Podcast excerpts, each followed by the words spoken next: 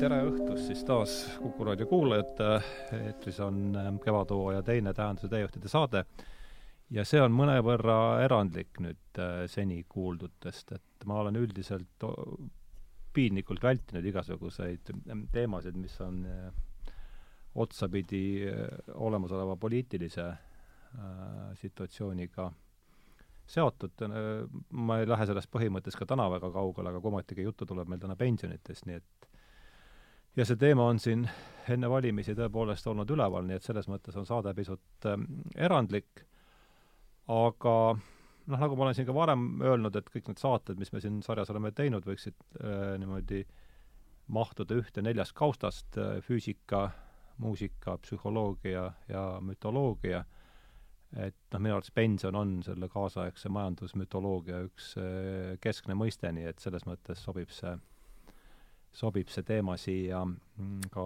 päris hästi, kuigi jah, veel kord, eks ta natuke erandlik on äh, senise ajaloo vältel. või sellise ajaloo taustal, meie saate ajaloo taustal. aga ja saates on mul siis kaks vestluspartnerit, nagu ikka, tere tulemast äh,, Kristjan Järvan! tere! ja tere tulemast äh,, Ida Vitsur! tere! Öelge enda kohta veel paar sõna, enne kui me läheme saate sisse ootan, et tutvustage paari sõnaga ennast, jaa, mina olen äh, klassikaline kahekümnendates Eesti noormees, kes on üritanud loomulikult oma startup'e teha.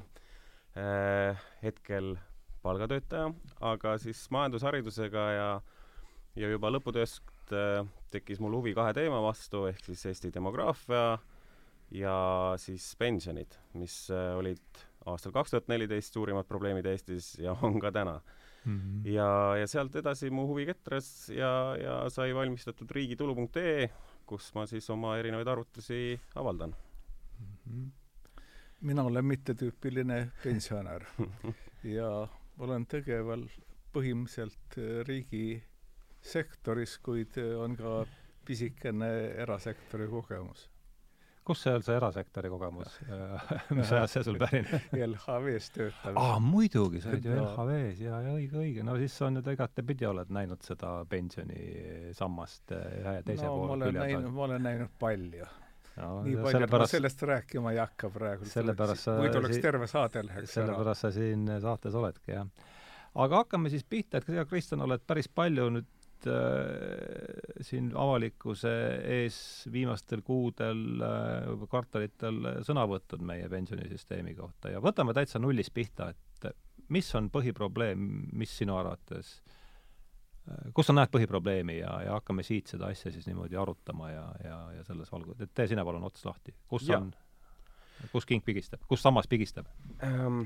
Noh, alati tuleb vaadata kulude ja tulude poolt. Äh, kulude puhul on siis äh, võrdlemisi minimaalne efekt, et äh, teise samba efekt on see et, et kaks protsenti rohkem maksu läheb mm. siis töötajatelt. aga probleem suuremalt on tulude pool.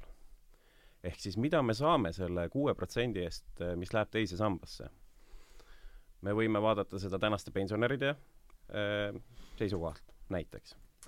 sellisel juhul äh, meie pensionisüsteemi maksukoormus on kakskümmend kaks protsenti täna, mis oleks siis, kui äh, ta oleks jätkuvalt kakskümmend kaks protsenti ja kogu see raha läheks esimesse sambasse mm? -hmm. sellisel juhul oleks täna äh, pension neljasaja viie euro asemel sada kakskümmend üks eurot kõrgem ehk viissada kolmkümmend euri.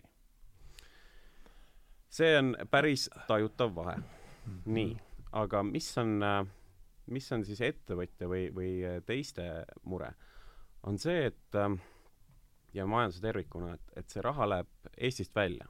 kaks protsenti meie kogu SKP-st saadame rõõmsa hurraaga Eestist välja ja tagasi nagu ei tule. ja et ähm, mulle tohutult meeldivad Rahandusministeeriumi prognoosid, millelt võib tuletada seda, et äh, okei okay,, eelmine aasta oli, maksime teise sambasse sisse nelisada viiskümmend, üle-eelmine aasta nüüd, juba aasta on muutunud, nelisada viiskümmend miljonit, välja tuli üksteist miljonit. ja, ja millal on siis esimene aasta, kus me teise sambasse maksame riigina vähem raha sisse, kui sealt äh, välja tuleb, on prognoosi järgi aastal kaks tuhat viiskümmend kuus. siis võib-olla saabub efekt, kus äh, meie riik saab sealt rohkem raha välja kui, kui, kui sinna sisse pannakse. lühidalt see ongi, et kas, kas te teeksite investeeringu, kus, kust raha hakkab tagasi tulema võib-olla aastal kaks tuhat viiskümmend kuus? mm. -hmm. ma igaks juhuks nüüd äh, täpsustan üle, et ma õigesti aru sain, et mm -hmm. sa väidad seda, et äh, kui teise sambast, kui teisesse sambasse minevad summad oleksid investeeritud esimese samba tootlusega, niivõrd kui sellest seal rääkida saab, siis oleks praegu meil pension sada kakskümmend üks eurot kõrgem. jaa, just. Ja nüüd ja mis aja, aja vältel sa seda, mis aja, mis ajaandmeid sa oled kasutanud, sa just selle saja kahekümne euro juurde jõudsid? ma võtsin selleks kaks tuhat seitseteist andmed. ehk siis eh, kolmsada viis tuhat eh, vanaduspensionäri, eh, võtad selle nelisada viiskümmend miljonit, mis me maksame sisse teise sambasse, võtad sealt maha üksteist miljonit, mis me saame sealt välja, ja jagad selle kolmesaja viie tuhande pensionäridega ja kaheteist kuuga. Saad sada kakskümmend üks eurot tulemuseks. ja, ja see annab väikse aimu sellest, kui palju häid asju me võiks sellesama rahaga teha äh, siin Eestis, selle asemel, et, et saada, saata see kuskile välismaale ja loota, et äkki kunagi tuleb midagi tagasi. kui palju projekte sellest saaks, kui palju saaks äh, peretoetusi äh, kas või suurendada, aga see on, see läheb juba poliitiliseks teemaks, need on äh, nagu sisetunde küsimused, kuidas seda raha ütleme, partei, hoiame niimoodi, lepime kokku, et me ei hakka siin Täpselt. erakondade nimesid äh, Nõus. nimetama, et, et igaüks tahaks erinevat asja teha, noh, see selleks, ma, mulle endale see vabaturunduse, vaba turumajanduse värk meeldib, et et millegipärast see on ikkagi efektiivne majanduse vorm et, et see mõte, et, et kui meil, kui riigil ei ole surmkindlalt äh, põhjust, miks tema oskaks äh, paremini seda raha kasutada kui inimene ise, siis palun jätke see inimestele endale kätte. et äh, see võiks olla a priori. selge, Heido, mis sa kostad selle jutu peale? mis selle peale kostab, ega ma arvutanud ei ole, aga ma mõtlen selle peale, et põhimõtteliselt mingisugune no siin on üks, kaks küsimust. üks on selle süsteemi efektiivsus, mis on Eestis erinev, ma olen isegi sinu enda nendest äh, arvutustest näinud, et sedasama kolmeastmelist või kolmesambalist süsteemi saab muuta üpris-üpris efektiivseks, eks ole. ja teine asi on see, et kui meil ei ole ta efektiivne, siis mida tuleks teha, et see efektiivne oleks? ja ma arvan, et eh, selline kombineeritud pensionisüsteem, nagu on kolmesambaline, on riskivabam kui puhtalt ühesambaline. nii et eh, tulevikku vaadates ja neid riske arvata, arvestades mu meelest on hea, et toimus selline äh, kolmesambalise süsteemi loomine. kuid probleem on selles, et tõepoolest teine sammas momendil pärast eh, majanduskriisi on üsna sellise nukra tulemuslikkusega. enne, kui me ei elanud eh, miinus- või nullintressiga maailmas, siis oli pilt teine ja süsteem sündis siis. ja ma mitte mingil juhul ei tahaks kümne viletsa lahja aasta pärast hakata seda, mida on nüüd kakskümmend aastat tehtud ja teistes riikides tunduvalt kauem, kohe lõhkuma. siin peab olema mingi stabiilsus. tuletame meelde, mis aastal see sü-, süsteem meil sündis? kaks tuhat kaks vist. jah. ma tooks kohe kaks, kaks olulist mõtet, mis siin kõlasid äh, ja täiesti head pointid. esiteks on see riskide hajutamine. Küsimus on nüüd selles, et kas teine sammas hajutab mingeid riske või tegelikult konsolideerib neid, et äh, kui meil vabas turumajanduses on seitsesada tuhat töötajat, kes teevad ise oma otsuseid, kuhu nad panevad oma raha eh,, kuidas kasutavad, kui palju säästavad eh, ja nii edasi, siis nüüd teise samba puhul on meil viis fondihaldurit, kelle kätte kõik see otsustus jõuab. Ja no ma toon paralleele ikkagist käsumajandusega, kus, kus oli ka see suhtumine, et riigisake teab paremini, kuidas tegelikult, kuhu peaks äh, raha suunama ja sa võid olla ükskõik kui tark mees, naine, investor ähm,, aga point on selles, et, et sul ei ole kunagi nii palju informatsiooni hulka kui sellel seitsmesaja tuhandel inimesel. Sul ei ole kunagi ka, tänapäevasel ajal nii palju arvutusvõimsust, et kogu seda informatsiooni hallata. ja, ja see oli esimene ja see on väiksem point. suurem point on tõepoolest see, et, et äh, loomulikult teist sammast saaks väga palju paremaks teha. küsimus on see, et kas see teoreetiline piir, millest enam paremaks ei saa, kas, kas kas see on piisav, et teist sammast õigustada? Äh, teise samba algus ju oli selles, et äh, et meie demograafiline olukord on see, et meil on tulevikus vähem töötajaid, järelikult me peame ruttu midagi tegema. et, et siis äh, tulevikus pension oleks parem. mis tundub olevat nagu tegelikkusega kooskõlas olev väide ju, või? jaa, see alus on õige. meil on tulevikus vähem töötajaid, nõus küsimus on selles, et kas ma küsin te... vahele ja, ja eks ole, teise, esimese samba tootlus, mida peaks ilmselt kasutama jutumärkides, eks, et see on siis, sõltub kes, keskmise palga kasvust, palga majanduskasvust, majanduskasvust. Okay.. sellepärast, et äh, majanduskasv arvestab nii seda, äh, nii palgakasvu kui ka töötajate arvu muutust. Kuna aga ei, ma tahtsingi öelda, no täpsemalt oleks ikkagi palgakasv äh, pluss töötajate, töötajate arvu kasv. aga ja. kuna palkade summa on konstant majandusest, keskmiselt, kui sa võt-, vaatad äh, no rahvus... ei ole, no ei ole. Okei okay,, kui sa vaatad Rahvusvahelise Tööorganisatsiooni andmeid, siis keskmiselt viiskümmend protsenti on äh, palgatulu osakaal äh, no, SKP-s keskmiselt. jah no,, ütleme, see on, see on see protsess, mida inglise keeles öeldakse, et see on mean reverting, et ja. Äh, see on, äh, tuleb, tuleb mingi taseme juurde tagasi, aga seal ümber ta kepsleb päris Täpselt, niimoodi lustakalt. vastasel korral me ütleksime, et oleks trend. mille, ja trendi tulemus oleks see, et kogu majandustulu kuulub kas kapitaliomanikule või palgatulu omanikule. see on ebarealistlik aga kui me räägime ja ma tulen ja... oma mõtte juurde tagasi mm, -hmm. et ennem, ennem kui see ära läheb. jah, see mis... tasub hoida mõttes kinni. just, et äh, mis on see teoreetiline piir ja teoreetiline piir ongi äh,, millega näiteks äh, Eesti Panga presi-, presidendikandidaat Märten äh, Ross oli nõus, et pikas perspektiivis äh, siis äh, äh, okei okay., sinna me jõuame hiljem, aga juba vaikselt mainisin ära et kapital ja palgatulu kasvavad samas tempos. nii, ja no see on nüüd oletus, et pikas perspektiivis, et vastasel juhul oleks, äh, kaoks üks või teine ära, eks. täpselt. ja, ja nüüd ongi see, et, et äh, me põhimõtteliselt üritame ennast ise patsipidi äh, soost välja tõmmata. et meil inimesi ei ole, aga me eeldame, et ettevõtete kapital kasvab ikkagi. et meie ettevõtetel ei ole töötajaid, kliente, omanikke aga lihtsalt maagia toimub ja raha tuleb sealt.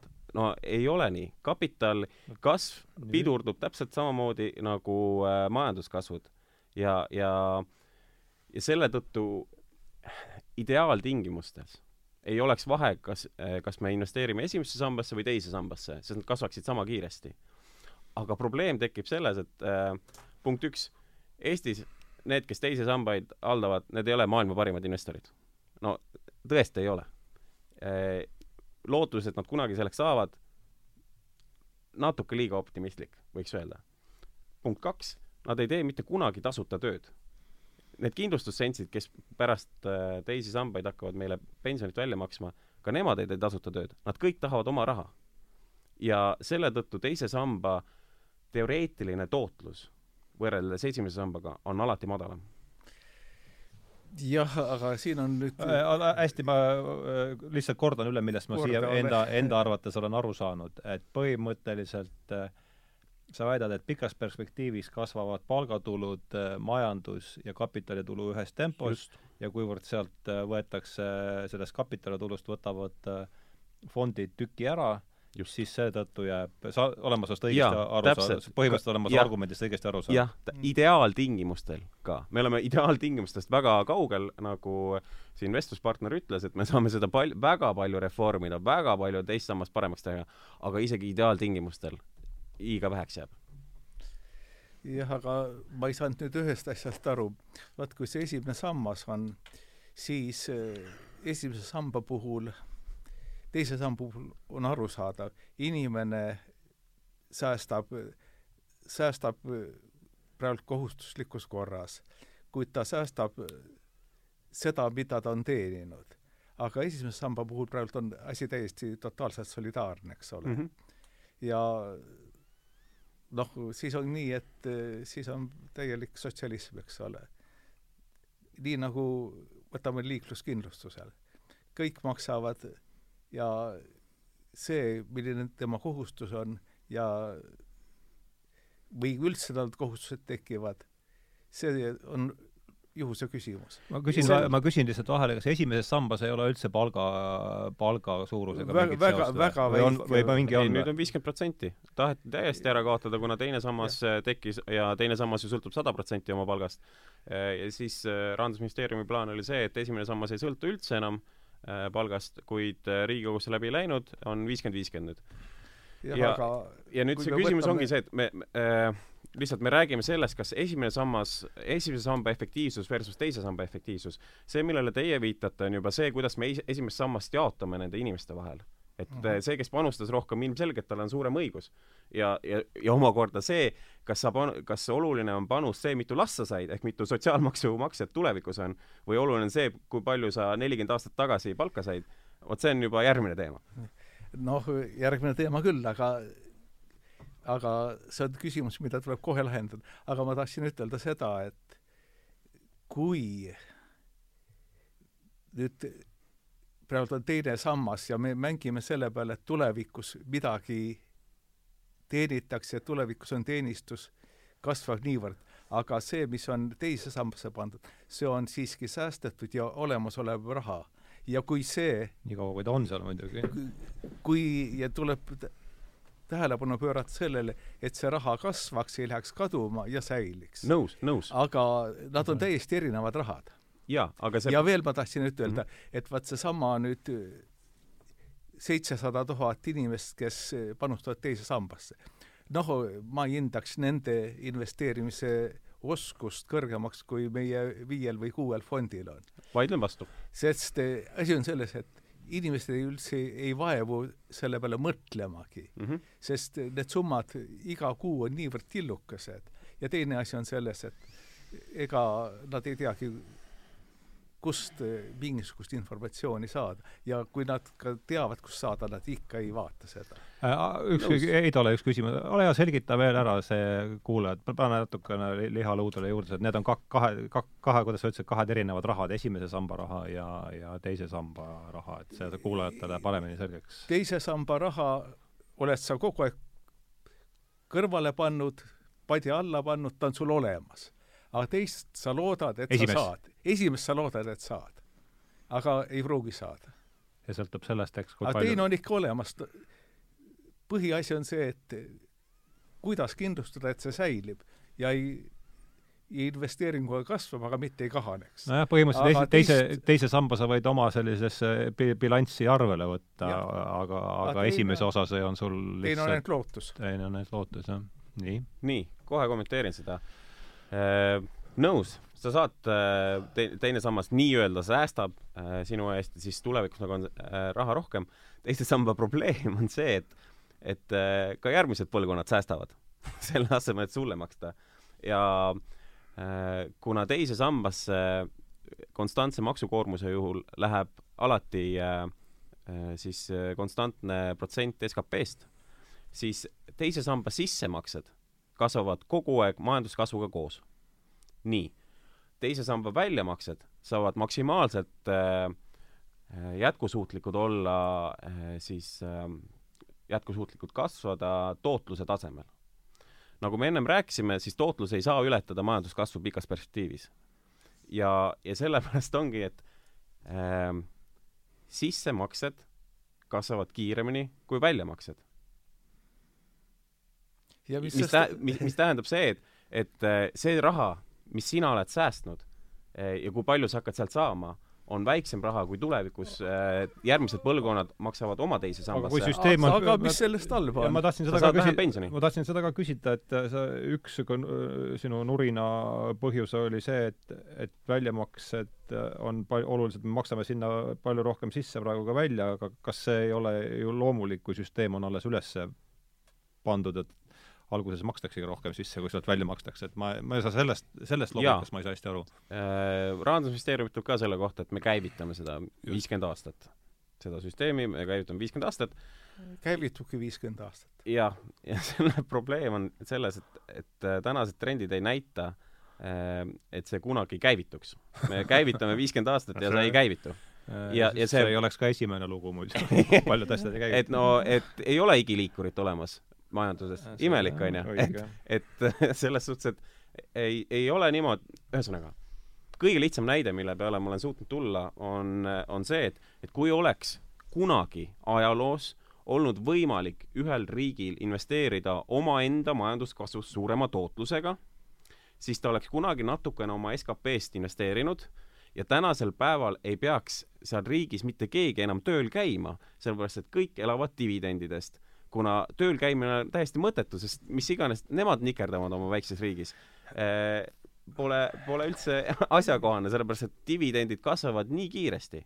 mina ei tea ühtegi sellist riiki, kus inimesed oleks võinud eh, töö lõpetada laiendame seda globaalselt, võiks olla sellisel juhul niimoodi, et me kõik lõpetame tööl käimise ära sellepärast et äh, kapitali tuleb uksest ja aknast. no see, mis Kule... sa praegu ütlesid, on minu meelest see, et ei ole ühtegi riiki, kus oleksid ainult rikkad, äh, noh, Luksemburg ja Šveits võib-olla hakkab sinnakanti minema oi aga..., ei ole, ei ole no,. no kui, kui me üldse millestki räägime, siis võib-olla Luksemburgist, mis ei ja, ole lõpu aga ega seal on, on ka rikkaid kakskümmend protsenti. veel vähem riik kui meie, eks, et ähm, aga põhimõtteliselt ikka esimese ja teise samba vahe on see, et üks olgu kui suure efektiivsusega säästetud, aga ta on olemas sul. teine on ainult lootus.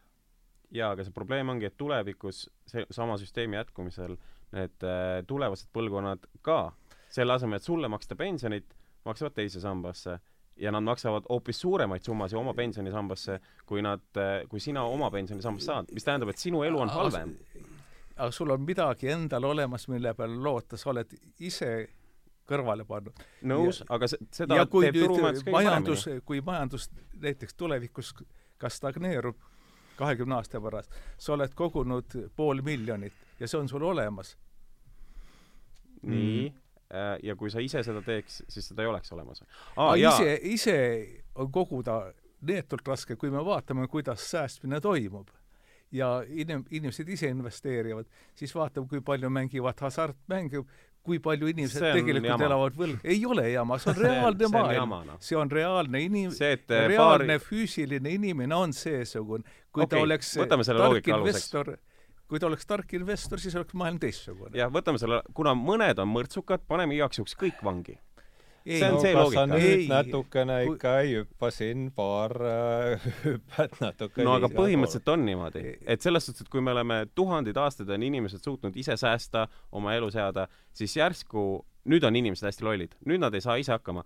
nüüd äh, ma olen vaadanud oma mingi kõige rumalamaid tuttavaid ja ka nemad saavad aru, et äh, äh, üürimakse on suurem kui äh, siis eluasemelaenu tagasimakse, mis tähendab, et on päris mõistlik võtta see eluasemelaen ja endale osta kodu.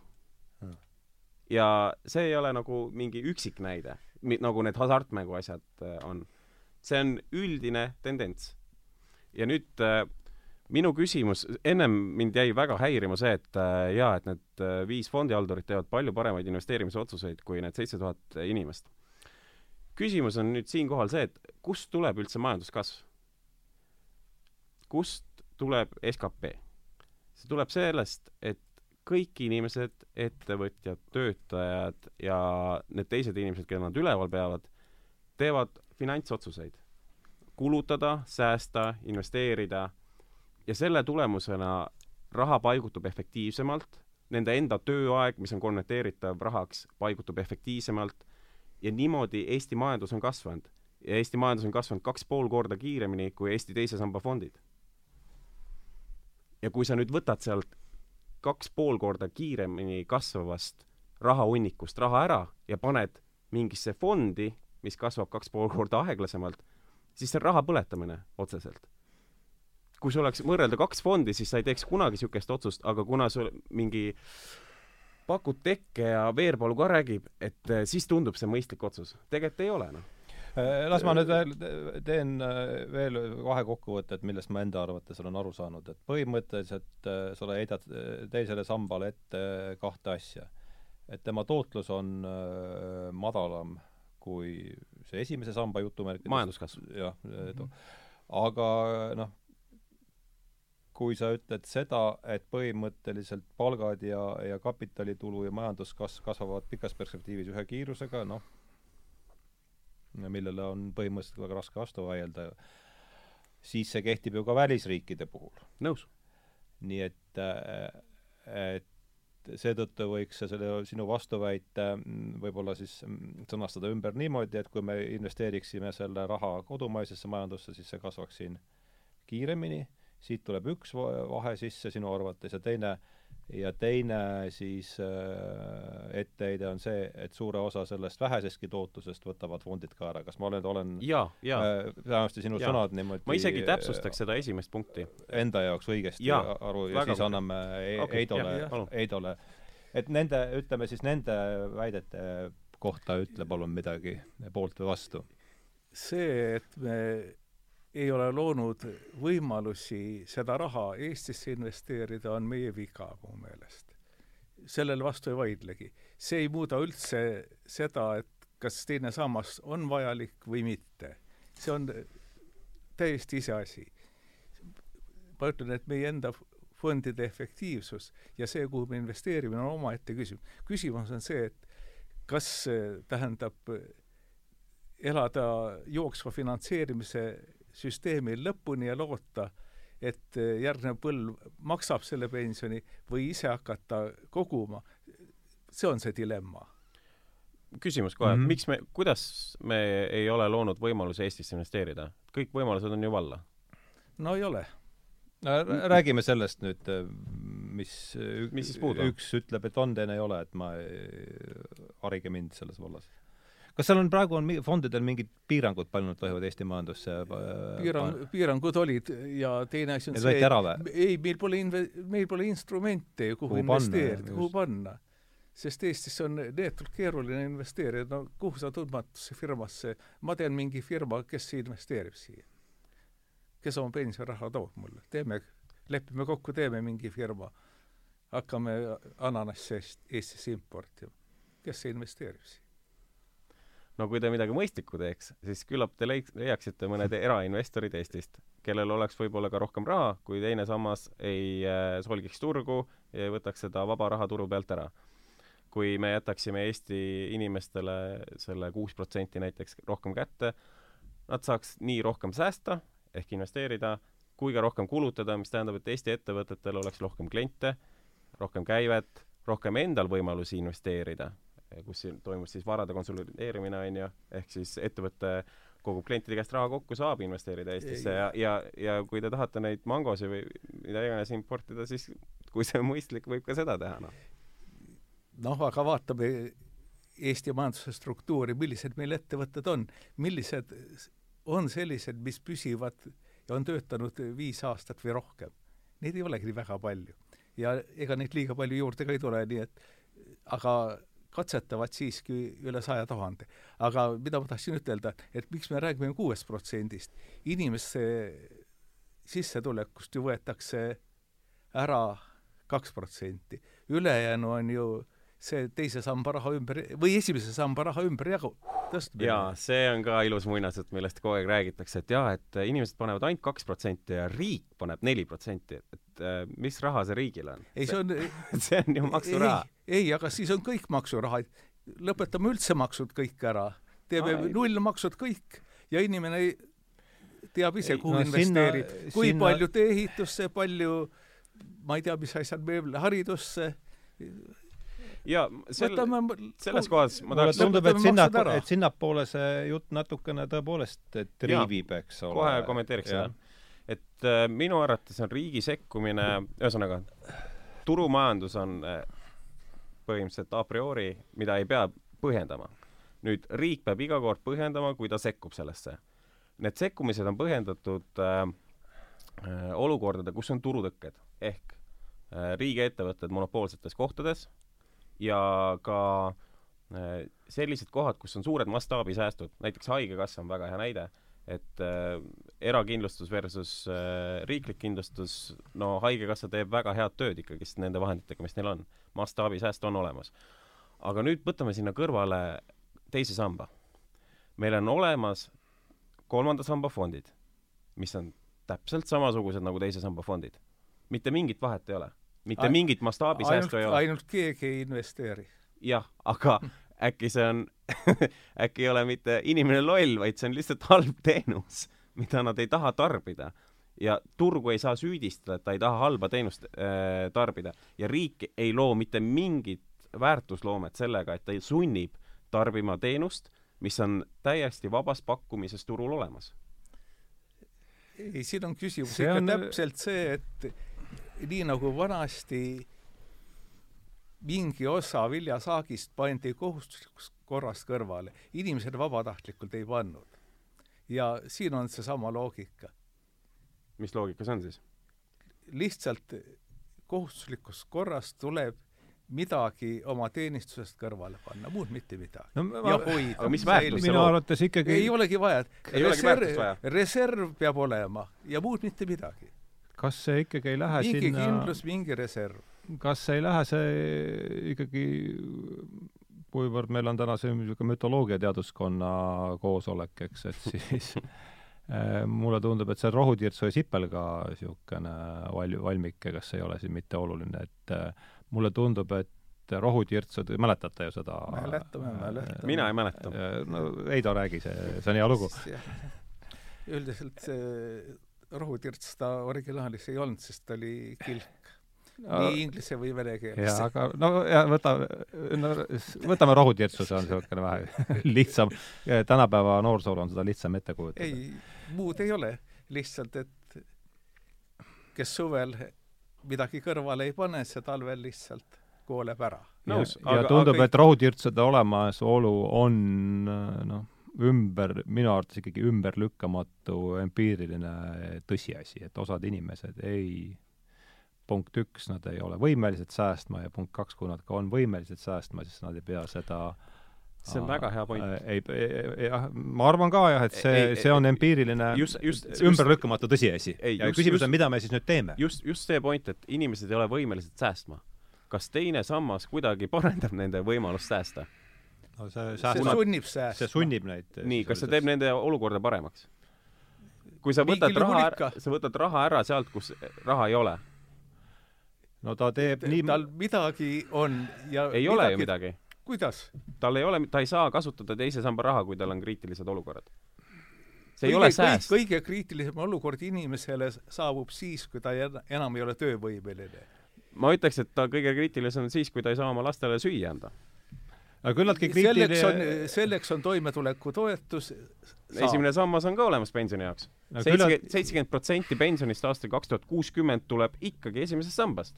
jah, aga kahekümne aasta pärast enam ei tule. ei no, tuleb, ma räägin just kaks tuhat kuuskümmend tuleb seitsekümmend protsenti esimesest sambast ja kui me kaotaksime ära teise samba, siis Rahandusministeeriumi prognoosi järgi oleks ainult esimese sambaga pension üheksakümmend seitse protsenti äh, prognoositust. vahe oleks kolm protsenti. me kaotaks kaheksakümmend eurot aastal kaks tuhat kuuskümmend, kui me jätkaks ainult esimese samba ja sama maksukoormusega. saate aru, me täna kaotame sada kakskümmend üks eurot pensionis, et võita neljakümne aasta pärast võib-olla kaheksakümmend eurot pensionit ja, ja keskmine pension on täna nelisada eurot ja siis on kaks tuhat ükssada eurot me või-, me kaotame neljasaja euro juures sada kakskümmend eurot ja võidame kahe tuhande euro juures kaheksakümmend no, eurot. vaat nüüd on nõnda, et eh, mina ei ole neid arvutusi teinud. ma siiski usun, et eh, neid arvutusi on ka keegi teine teinud ja ma ei tea ja Rahandusministeerium ju... ja Euroopa Komisjon on need arvutused teinud. aga kui see nii on, siis eh, ma lihtsalt ei saa aru. aga ma siiski arvan, et siin on mingid loogikavead no ma olen kõik avalikustanud, Rahandusministeerium ei ole ümber lükanud neid arvutusi. võta palun nüüd uuesti see, kogu see veel nüüd aeglaselt ja, ja et mina ka aru saaksin, mis seal nüüd, mis sa meile täpselt, mis sa meile täpselt nüüd rääkisid, see kaheksakümne eurone, võtame, võtame selle, võtame selle rahulikult uuesti mm, -hmm. ma üritan kogu oma nii, äh, alustame Mas. tänasest pensionisüsteemi maksukoormusest. kuusteist protsenti äh, läheb siis esimesse sambasse neli pluss kaks protsenti läheb siis äh, teise sambasse. nii. nüüd minu eesmärk on võrrelda kahe samba efektiivsust okay. ehk siis maksukoormus versus välja makstud pensionid. jätame maksukoormuse samaks, aga kõrvutame selle ainult siis, kui oleks esimene sammas. täna siis oleks äh, pension sada kakskümmend eurot kõrgem selles suhtes, et kõik teise samba sissemaksed maksame vanaduspensionäridele laiali ja pension tõuseb sada kakskümmend eurot. nii. teine sammas läheb siis soli-, teine sammas läheb nüüd solidaarsus Te, teise samba sissemaksed. see, mis neli miljardit äh, on juba praegu fondides ah,, seda ei, seda ei muutu. jaa, selle, ma ei ütle, mida tegema peaks, ma lihtsalt näitan numbreid, onju kui me tänased sissemaksed siis jagame vanaduspensionäridele laiali, siis äh, okei okay, seda..., siis on, tõuseb pension saja kahekümne euro võrra. just. see ei ole ühekordne, vaid see on jätkusuutlik, on ju, jooksvalt. arusaadav. nii.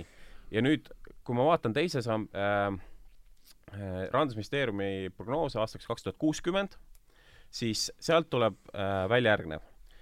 seitsekümmend protsenti tuleb esimesest sambast ja kolmkümmend protsenti tuleb teisest sambast mis tähendab, et äh, kui maksukoormus on kuusteist protsenti esimesel sambal, siis me võtame selle seitsekümmend protsenti, jagame kuueteistkümnega ja korrutame kahekümne, kahekümne kahega. saame teada, kui palju äh, oleks siis pension ainult esimese sambaga. ja võrdleme siis seda äh, selle teise sambaga versiooniga, vahe on kaheksakümmend eurot.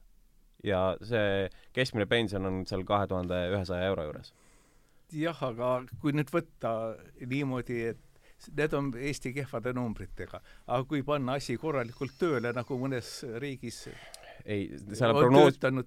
siis seal prognoosides on juba see sees, et see hakkab väga korralikult tööle kohe. meie prognoosid on eh, tehtud meie kehvade tulemuste ei ole, ei ole. Eh, seal on, Euroopa Komisjonist tuleb ja see prognoos eh, ehk siis teise samba tootluse prognoos on ühtne absoluutselt kõikidele Euroopa liik- äh,, Euroopa Liidu riikide teise samba fondidele. jah, küll, olgu ühtne, aga kui me võtame endal maha selle ebaefektiivsuse see on maha võetud. see on seal prognoosis juba maha võetud. ja, ja võtame maha ka selle, et momendil investeerimisest saadav tulu on väga väike. mis see tähendab? fondide investeerimisest saadav ja, ja ma, ma räägingi seda, et, et see teise, Euroopa Komisjoni ja sellega ka Rahandusministeeriumi prognoosid arvestavad, et Eesti teise samba fondid muutuvad täpselt sama tubliks kui Rootsi või mis iganes teise riigi eh, pensionifondid ja teenivad täpselt sama palju eh, tulu. noh, ega siis, siis muud ei jää üle kui ikka see, et sul on see, mis, mille sa oled kõrval pannud, see on sul olemas, muu peale võid loota jaa, aga, aga küsimus ongi nüüd see, et miks, miks äh,, miks peaks käsumajandus seda paremini tegema kui turumajandus? ei no., aga nii nagu Hardo ütles ja nagu mina tean, inimesed suures oma, suures osas käituvad siiski rohkem emotsionaalselt kui ratsionaalselt. ja need ilusad turuotsused on tegelikult keskmine suures osas siiski lühiajalised ja ei ole pikaajalised. no mul, mul on isegi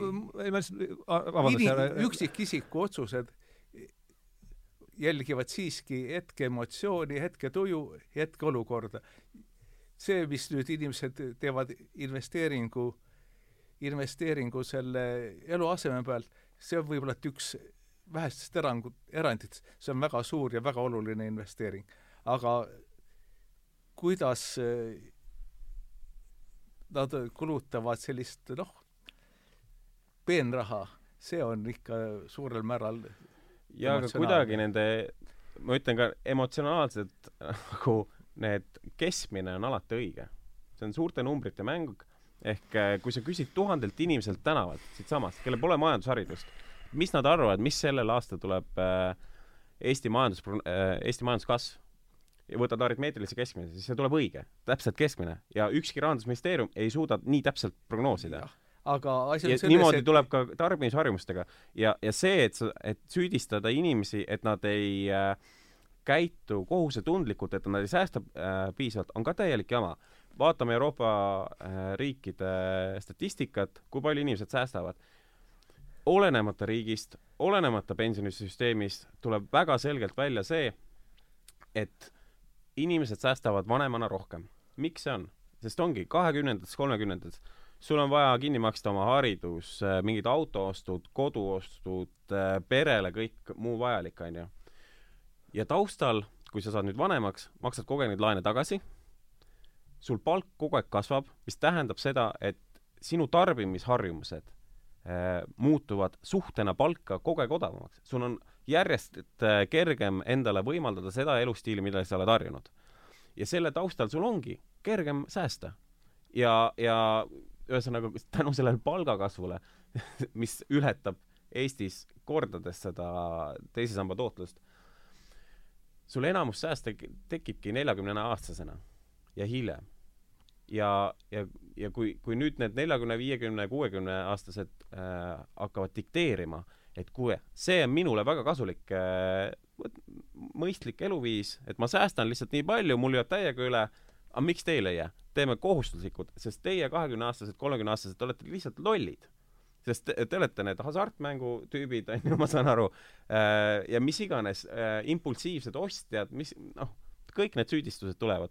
ja, ja sellepärast äh, suur isake teab käsumajanduskorras, et äh, parem saadame teise samba fondidesse oma raha kohustuslikus korras ja, ja las need äh, pankade omakapitali tootlused on seal sada kolmkümmend protsenti, mis, mis me täna siin kuuleme, et see on absurd ja see ei tööta. räägi sellest saja kolmekümnest protsendist ka palun natuke lähemalt, see ei, ei pruukinud äh, jaa äh,, mulle, mulle täna väga meeldis Indrek Neivelti äh, siis äh, kõne äh, Postimehe konverentsil ja, ja ta rääkis pikemalt, et miks, miks üldse on tulnud sellised teise samba vastased inimesed välja ja kes, kes, kes äkki ei olegi nagu mingit varjatud pahatahtlikku agendat.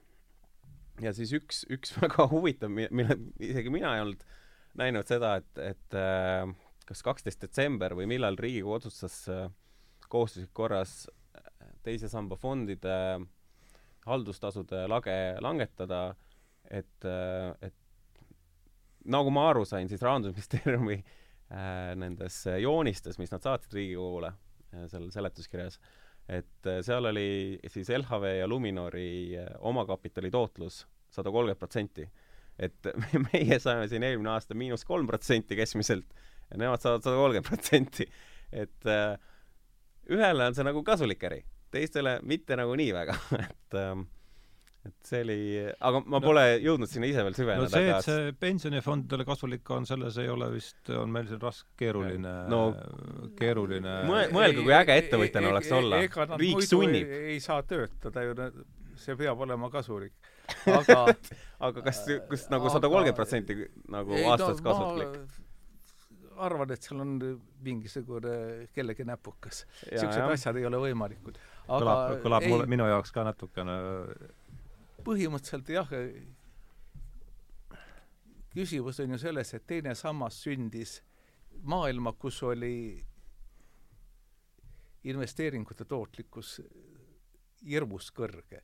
Mhm. kõrgem, tunduvalt kõrgem kui keskmine palga see on oluline. palgakasv oli siis, noh, Euroopas on ju keskeltläbi olnud noh, kaks-kolm protsenti aastas. ja investeeringutelt teeniti poole rohkem. Ja fondide haldamise kulu oli tol ajal noh, igatahes alla ühe protsendi kindlasti. aga te ei räägi Eesti palgakasvust praegu? ei, ma räägin üldse Euroopast keskeltläbi. jaa, aga mitte meil, Eesti? ei, aga kas te räägite, kuidas andmed, Euroopas tekkis? ei, teil, noh, Eesti tegi järgi, eks ole okay., sest aga nii? Nii, ja te rääkisite, et need arvutused, mis teie tegite, on Euroopa keskmise, mitte Eesti baasil, eks ole. nii et võtame Euroopa keskmise. ja siis see, kuidas ütelda, pilt oli ratsionaalne. Võt, tundus kõvasti ratsionaalne mm -hmm. olevat. ma olen ka vaadanud veidi sinna. toodeti, toodeti kõvasti. jaa, ma olen ka vaadanud sinna. Äh, maailmapank soovitas seda ka teise samba süsteemi kõikidele ja nende peaökonomisti äh, ühte esitlust sattusin nägema ja seal oligi äh, kui meie jõudsime oma saates äh, suht kiiresti arusaamisele, et kapital ja palgatulu ja, ja majandus kasvavad suht samas tempos, siis seal no, oli jällegi pikas perspektiivis. jah, seal oli kindel väide, et kapital kasvab ju, kasvab ju alati kiiremini kui palgakasv. ja, ja siis sealt oli tulnud kõigile soovitus, et tehke nüüd teise samba fondid ja mis ma, mis ma tegelikult, ma juba kiirustasin siin saate alguses äh, rahandusministeeriumi ametnike seisukohti sisse tooma. ma lihtsalt tahtsin teile jagada, kuidas, kuidas teise samba tootluse prognoos üldse tekkis. ja äh, rahandusministeerium on siis kogu pensionisüsteemi äh, prognoosid teinud Euroopa Komisjoni pealt, kust tulid soovitused kõikidele liikmesriikidele ja Euroopa Komisjon võttis teise samba tootluse prognoosi aluseks äh, riiklikud võlakirjad, kümneaastased. ja, ja siis ta võttis kui mu mälu ei peta, siis ta võttis tuhat üheksasada seitsekümmend kuni kaks tuhat kuusteist keskmise võlakirja tootluse, mis oli reaal, kas-, reaaltootlus oli kolm protsenti, ütles, et äh, selline tootlus jääb nüüd. ja äh, kuni aastani kaks tuhat seitsekümmend. ja mida ta ei arvestanud seda, et äh, et selles vahemikus tuhat üheksasada kuuskümmend, see oli ikka tuhat üheksasada kuuskümmend kuni kaks tuhat kuusteist, et selle aja majanduskasv oli oluliselt kõrgem kui see, mis on prognoos äh, järgmiseks siis äh, neljakümneks, viiekümneks aastaks. oluliselt kõrgem. aga, aga sealt ta tegi järelduse, et ei, aga need, ja ma kirjutasin nende Euroopa Komisjoni tüüpidega, et äh, nende seisukoht on jaa, et majanduskasv on väiksem, aga, aga nagu see võlakirja tootlus võib ikka olla üleval. et põhimõtteliselt ähm, palk kasvab sul aeglasemini, aga sinu võl-, kui sinu võlg, aga see on ikka okei okay.. noh, see on okei okay aga iga mõtlev inimene saab aru, et kui sul on lõputult selline olukord, kus sinu palk kasvab aeglasemalt kuni sinu, kui sinu äh, võlaintress ja see võlg kogu aeg eksisteerib, siis ühel hetkel on pankrot ja see ei ole majanduslikult jätkusuutlik. no aga võib-olla nüüd ongi aeg liikuda edasi siit sellest Eesti esimesest, teisest sambast natukene aga ma tahtsin nüüd öelda, et kuivõrd me ei oska isegi minevikku lugeda, siis tulevikku need prognoosid, mida nüüd Euroopa Komisjon tegi tulevikuks, ma usun neid sama vähe kui neid, mida ta tegi minevikus. tulevik on määramatu ja kõvasti Nõus. määramatu. ja selle juurde ma jään enda juurde, et kui sul endal on midagi padjalamatut, siis sul midagi on aga jaa, aga sul, meil ei ole praegu padja all. see ei ole see see on teises sambas see on teises sambas, see ei ole sul ikkagi päris padja all, et no, mingis päris..., mingis mõttes on seal ikkagi samasugune lootus sul seal nagu sellel eise, aga... teisel sambal, ma saan aru, kuhu sa sihid selle jutuga, aga, aga, aga see ei ole päris, ta ei ole sul ju padja all. jah, aga tegelikult me ei tea üldse, mis maailma majanduskasvust ja maailma rahandusest üldse saab, see on hoopis omaette jutt. täiesti nõus ja kuna riik ei suuda põhjendada miks see teine sammas on hea, eh, sest seni ta ei ole seda olnud ja tulevikus võib-olla mingi absurdsete prognooside tõttu on, siis miks seda teha? ja minu ettepanek isiklikult oleks see, et, et eh, kallid inimesed, meil on kolmas sammas olemas.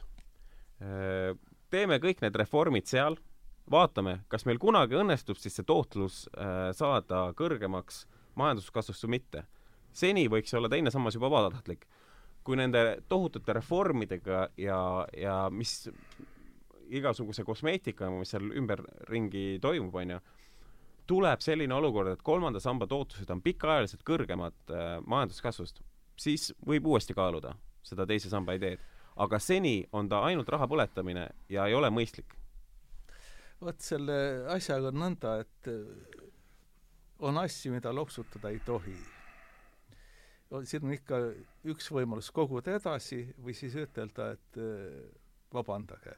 aga ma arvan, et äh, asi nii traagiline ei ole, et peab ütlema, et vabandage, sest äh, raha, tõsi, ei teeni, aga siiani on vähemalt ta suuremalt jaolt alles saad aru, kui aastal kaks tuhat kuuskümmend on keskmine palk seitse tuhat viissada eurot, siis see, et sa täna paned kakskümmend eurot kõrvale, on väga valus investeering. on küll, aga ja sellest kahekümnest eurost ei ole mitte mingit kasu. aga, aga me rääkisime, et me tulevikku ei tea. tulevikus võib, võib minna ka allamäge. jah, siis läheb selle kahekümne euroga tavaliselt allamäge. et minu arust on hea võrdlus see, et mitu valuutat meil viimase viiekümne aasta või saja aasta jooksul on olnud. ja kõik see nagu eeldab seda, et, et, et teine sammas on minu arust jaa, Neiveltil on vist äh, mingi võlakiri, Eesti võlakiri, Eesti riigi võlakiri aastast kakskümmend neli või, mis oli neljakümne aastane võlakiri äh,. ja minu arust see on hea märk, et, et nagu kõike võib juhtuda ja see, et me täna ei panusta Eesti demograafiasse, Eesti majandusse ja loodame, et, et äh, muinasjuttu, me loodame muinasjuttu neljakümne aasta pärast, see ei päde. ja isegi kui see pädeks, siis jätkuvalt piisab sellest, et meie majandus oleks kolm protsenti äh, kogu neljakümne aasta peale kõrgem ja siis juba teine sammas oleks kaotuses. ja, ja kui me saadame kaks protsenti oma rahast, kogu oma majandusest saadame välja nelikümmend aastat järjest ja vastukaalul on see, et, et me jätaks selle Eestisse, Eesti inimestele kätte, no päris kindlasti oleks meie majandus kolm protsenti suurem neljakümne aastaga. noh, ma enne siia tulekut lugesin ka näppude peal kokku, et kui palju kordi viimase saja kahekümne aasta jooksul Eesti rahvas oma säästusi on kaotanud, sai üsna palju. ühe käe sõrmadele ei läinud. aga vaat siin need väited põhinevad ikka sellel, et meil läheb neetult hästi edasi ka.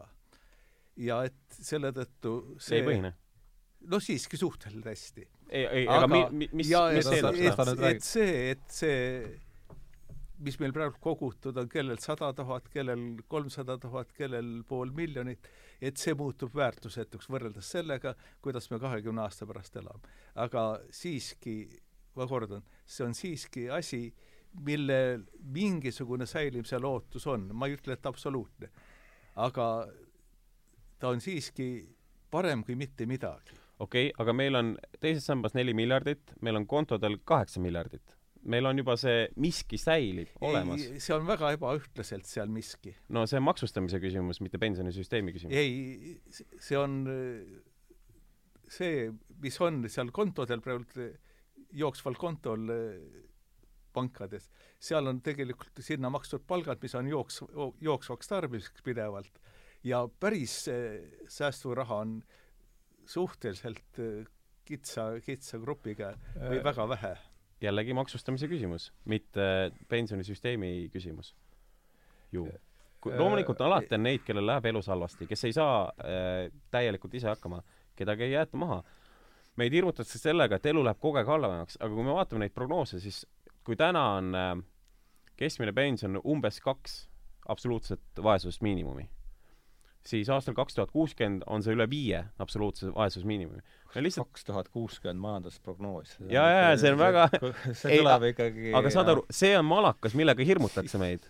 Et see on asi, millega meid hirmutatakse, et me peame ruttu midagi mhm. paanikas tegema, me peame ruttu kõik oma raha andma pankadele, sest äh, me oleme ise lollid. see on suhtumine lihtsalt see teist korda jäi mulle kõrva juba see kaks tuhat kuus, aasta kaks tuhat kuuskümmend majandusprognoos. ja mulle Mille, ka ja et, millest me räägime? et, et pension on viis seda absoluutset miinimumi. no kurat, siis, siis meil pole üldse noh, mingit muret, siis aga meil elu teist... on ju lill siis. jaa, aga nõus, ennem ei tule teisest sambast mitte midagi kui see kaks tuhat kuuskümmend. Ja sellepärast on kaks tuhat kuuskümmend ainuke asi, millest me üldse rääkida saame siinkohal. ennem on teine sammas Eesti riigile ainult kulu. Mina, mina saan teisest sambast praegu raha. Mina saan teise sambasse väga palju raha maksta praegu. nojah nojah, ma saan järgmised nelikümmend aastat teise sambasse väga palju raha maksta. nojah, aga ma tulen minu teine sammas kasvas kaks korda suuremaks, kui sinna pandi. minu oma on äh, ka, noh, eelmine aasta vist kukkus ikka nagu teistega koos, aga no, isegi jah, noh, jah kuidas sa nüüd õigupoolest need väljamaksed nagu on, ma saan aru, et kui mina nüüd siin ikkagi äh, noh, tõmban need otsad koomale selles mõttes, et ähm, suren välja järgmise paari aasta jooksul, et siis olen ma ju lihtsalt, mul jääb teadmine, et ma olen Eesti riigile maksu maksnud, eks, et seda ma, see, raha on, on, on läinud mm. -hmm. et, et noh, mina olengi seda ausalt öeldes niimoodi vaadanud, et ega no ma küll jälgin seda, mis mul seal äh, selles äh, sambas on, aga seda tunnet mul nüüd küll ei ole, et see on noh, et äh, siin ma ei ole Heidoga nõus, et äh, et see oleks justkui raha, mis mul on olemas, see on ikkagi samasugune riigi lubadus, nagu see ka see esimene, esimene samm, siin mingi varju, ma näen siin ainult varjundi vahet, et ähm, see on, ütleme, ma olen laias laastus äh, Tähendab- nõus sellega, mis sa oled täna rääkinud, see on ainus koht, kus mul on nagu vaata, ma ma saan aru, et sul on see nüüd isiklikult teistmoodi, sest sa saad, see, seal on su isiklik, isiklik kogemus äh, Jah. taga, eks, et äh, ja ma saan sellest ka aru. selle kohta ma ütleksin, et see on see, mis on seaduse auk, sest eh, põhimõtteliselt siin peaks olema võimalus, et see raha, ma ei tea ka, äkki ei olegi auku, et see, sul võib olla mingisugune korraldus, kes selle raha endale saab, sest eh, aga seda ei ole praegu ju, eks see läheb, ei, ma, ma ei tea. minu meelest läheb see, sina oled, pärandivara. Kristjan, uurinud see, see on lihtsalt pärandivara, mis on pärandvara? pärandvara ikka, minu Jaa, meelest on jaa. pärandvara On see või? jaa, ja, jaa ja sest. Aa. mina ise kirjutasin ka ära, et kui- ma, eks ole, seda kätte ei saa, et kes siis saavad ja enne üldse lepingut ei sõlmi, sõlmitudki, kui ma olin oma laste nimed ütelnud okei okay,, siis on, seal on, seal on nüüd mitu asja, mida äh, silmas pidada. esiteks on see, et kõige parem asi on see, et kui sa enne teist, ühesõnaga pensionit ära sured, siis sa saad kogu selle raha, sinu pärija saab kätte. et see on teise samba puhul kõige parem asi äh, aga see on olemas siis? jaa, aga, aga probleem on siis, kui sa ikkagi elad nagu pensionieani, siis, siis on äh, praegu on veel niimoodi, et kellel on vist äh, liiga vähe raha sinna kogunenud, et nemad saavad ühe summana selle Ropsuga, kätte. jah. aa, siis hakkad annoteerima aga, saama. aga probleem, nüüd päris probleem on see, et see tavaline äh, olukord kus, kus sa elad normaalse eani äh,, pensionieani välja, oled sinna normaalselt raha kogunud ja, ja siis, siis hakkab kindlustusseltside äh, triangel ja pihta. siin ma olen nüüd nõus, see on, see on meil See- aga see huvitav, laseme selle, räägime sellest, kust et äh, seal ühesõnaga sa saad oluliselt vähem raha kätte, kui sa, mis sa oled sinna teise sambasse kogu, kogunud. siis sealt võtavad kindlustusseltsid ka veel raha ära. jaa, aga nüüd, nüüd pane see perspektiivi, et, et sinu pensioni, keskmine eluiga pensionil on noh, ligikaudu seitseteist, kakskümmend aastat, onju. see osa jääb kogu aeg sama suureks. esimene sammas kasvab iga aasta, kakskümmend, Mm. aga, aga teise samba väljamakse jääb alati sama suureks, sest ta ei teeni mitte midagi. Okei okay,, siis ta juba enam ei teeni, eks siis ta täpselt. tuleb sellest potist välja. täpselt ja, ja ja võib-olla ta mingi intressi teenib, aga need äh, kindlustusseltsi äh, kulud on suuremad kui see intress, mida nad teenivad, eriti praegu noh. ja äh, et see nagu ilusasti sööb ja, ja äh, miks, korraks adresseeriks seda ka, miks, miks äh, minu vestluspartner siin on nii õnnelik, et ta teisest sambast saab äh, ei point- ole õnnelik siin olen täitsa nõus, sest mul oleks, ma ei tea küll, palju mul sinna teise sammasse kogus, aga mul oleks hea meel olnud, kui see raha oleks, teeniks kas või kaks protsenti aastas. ja, aga sa saad lihtsalt iga kuu mingi väikse ja, ja täpselt mingi. ja, ja see, ja see minu arust on hästi äh, riigi poolt niisugune ühesõnaga teist sammast promotakse riigi poolt ja väga sinu enda raha eest. Ja, ja see, ja see point on selles, et, et äh, need, kes on teise sambaga liitunud, nemad maksavad kuusteist äh, protsenti esimesse sambasse, onju. aga neile äh, makstakse enda esimest sammast nagu, põhimõtteliselt nagu nad oleksid äh, ainult natukene vähem. ma ei tea, kuidas selle praeguse reformiga sattus, igatahes ennem kui see muudatus tuli, ehk siis see, et esimene sammas ei pidanud enam üldse sõltuma palgast, aga nüüd sõltub viiskümmend protsenti. igatahes enne seda oli niimoodi, et sa maksad terve elu kakskümmend protsenti vähem äh, esimesse sambasse kui see, kes on, kes ei ole liitunud teise sambaga, aga sina saad äh, ainult kümme protsenti vähem esimesest sambast. ehk nende arvelt, kes ei ole teise sambaga liitunud, promotakse neid, kes, kes on teise sambaga liitunud. et muidu sa oleksid palju õnnetum, sest sinu esimene sammas oleks äh, oluliselt väiksem tänu sellele, et, et sul on teine sammas, sest sinu maksuraha läks ju teise kohta. ja sellega on nagu õigustatud see, et, et järelikult peaks ka sinu esimene sammas olema väiksem. ja nüüd ongi see efekt, et äh, esimene sammas kasvab majanduskasvuga, teine sammas on kasvanud äh, siis äh, kuni sinu pensionile jäämiseni fondi tootlusega ja nüüd edasi teine sammas jääb pidama ja kakskümmend aastat e- esimene sammas kasvab. ja see tuleb see- väga valusaks läheb. siin, siin ma olen täiesti nõus, see asi noh, on, nii muudab ta teise samba mõttetuks. kui see kakskümmend või nelikümmend aastat, ükskõik kui kaua inimene elab, mõni elab nagu Metuusala vanaks, eks ole, ja et see ei teeni ühtegi protsenti selle ajaks, no see muudab selle kogumise tõesti mõttetuks. Täiesti nõus. ühesõnaga, selle teise samba puhul on väga-väga palju probleeme, mida saaks lahendada. saab igatpidi seda tootlust tuunida, seda väljamakseid tuunida, aga minu lõpp-point on ikkagi see, et, et ikka ei ole piisav. ikka jääb esimese sambale alla. ja ma ei tea, selle, no, see ongi jah, siin ongi kogu küsimus on selles, et et millised, millises proportsioonis üks või teine järgnevad sada aastat kasvavad ja millised paugud vahepeal käivad. nii et ja see, teadmatus, selles oleme õndsas teadmatuses äh, kõik. jah, olemegi. aga no põhimõtteliselt äh, jällegi siin tund aega on juttu aetud, et äh, see järeldus, mis mina siin Kristjani jutust ja Heide jutust teen, on ikkagi see, et et no raha põleb, aga noh, siis on jällegi küsimus, kelle raha põleb, et äh, kui ta ka põleb, et siis ta osadel põleb nagu suurema intensiivsusega kui teistel ja ma nagu loen sinu jutust välja sellise asja, et põhimõtteliselt mis ikkagi toimub, on niisugune suur raha ülekanne niisugust rea, reakodanikelt pankade aktsionäridele, nii ma enam-vähem Oo, jah. niimoodi, niimoodi ma loen seda, niimoodi võtaks mina seni kuuldu kokku, ma ei tea, kas ja ka välismaa ettevõtetele, sellepärast äh, see on ka äh, üks asi, millel ma korra võib-olla peatuks, see, et, et äh, et äh, miks on siis parem, kui see raha Eestisse investeeritakse. investeerimistehing on tehing nagu iga teine. mõlemad pooled saavad väärtust.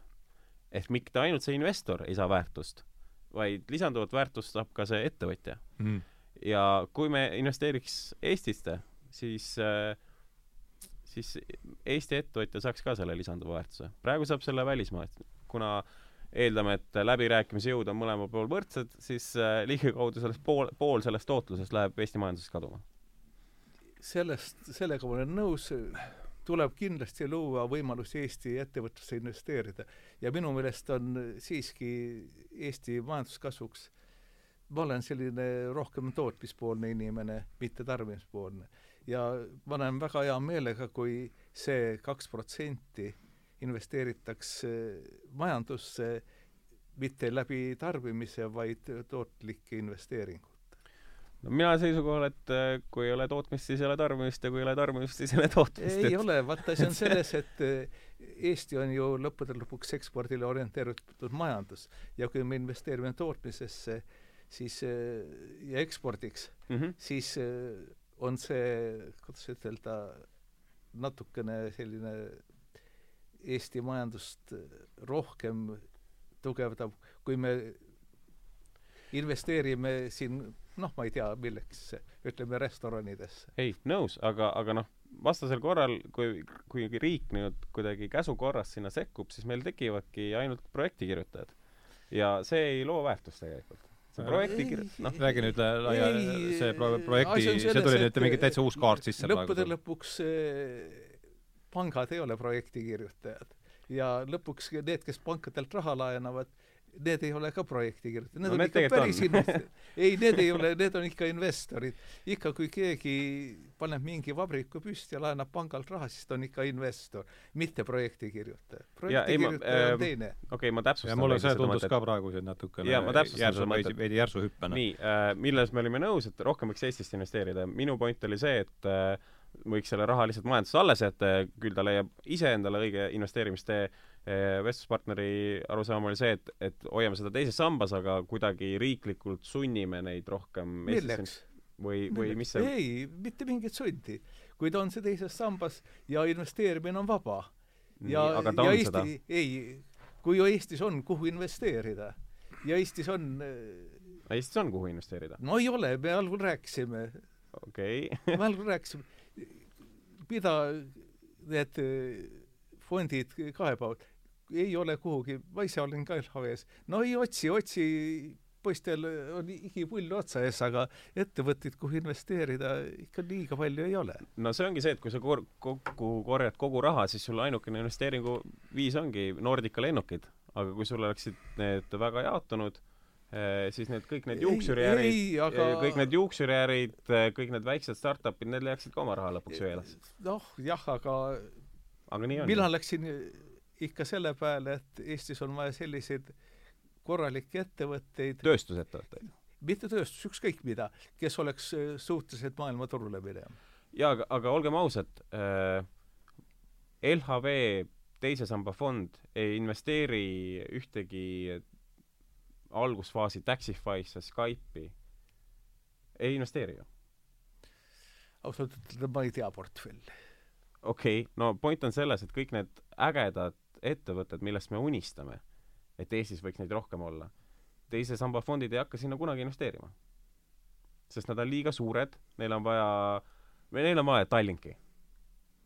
ja no selles jutus tõenäoliselt mingi iva on, mulle tundub ka, et ikka pangad, ja see võib-olla natuke läheb siin läheb natukene juba laiemaks see teema, aga see tundub, et see pangad kasvavad äh, riigiga järjest enam äh, kokku. Äh, see teise samba lugu on siin üks, äh, üks selle asja sümptom ja, ja mul on tunne, et kui see järgmine mats siit tuleb, mis tõenäoliselt tuleb, et siis nad on üldse niimoodi lahutamatult, lahutamatult koos, et ma ei tea, mis te sellest, sellest et, et jah, et pangad, pangad ja riik nagu järjest enam äh, no kui Eesti pangad kasvavad kokku, siis nad kasvavad Rootsi riigiga, mitte Eesti seda riigiga. seda jah, ja, ja muidugi, kindlasti jah, selles ei olegi noh, aga võtame pärast kriisi, mis siis toimus, mis see QE ikka oli? miljard, triljonid ühel pool ookeani, triljonid teisel. lihtsalt sekundiga.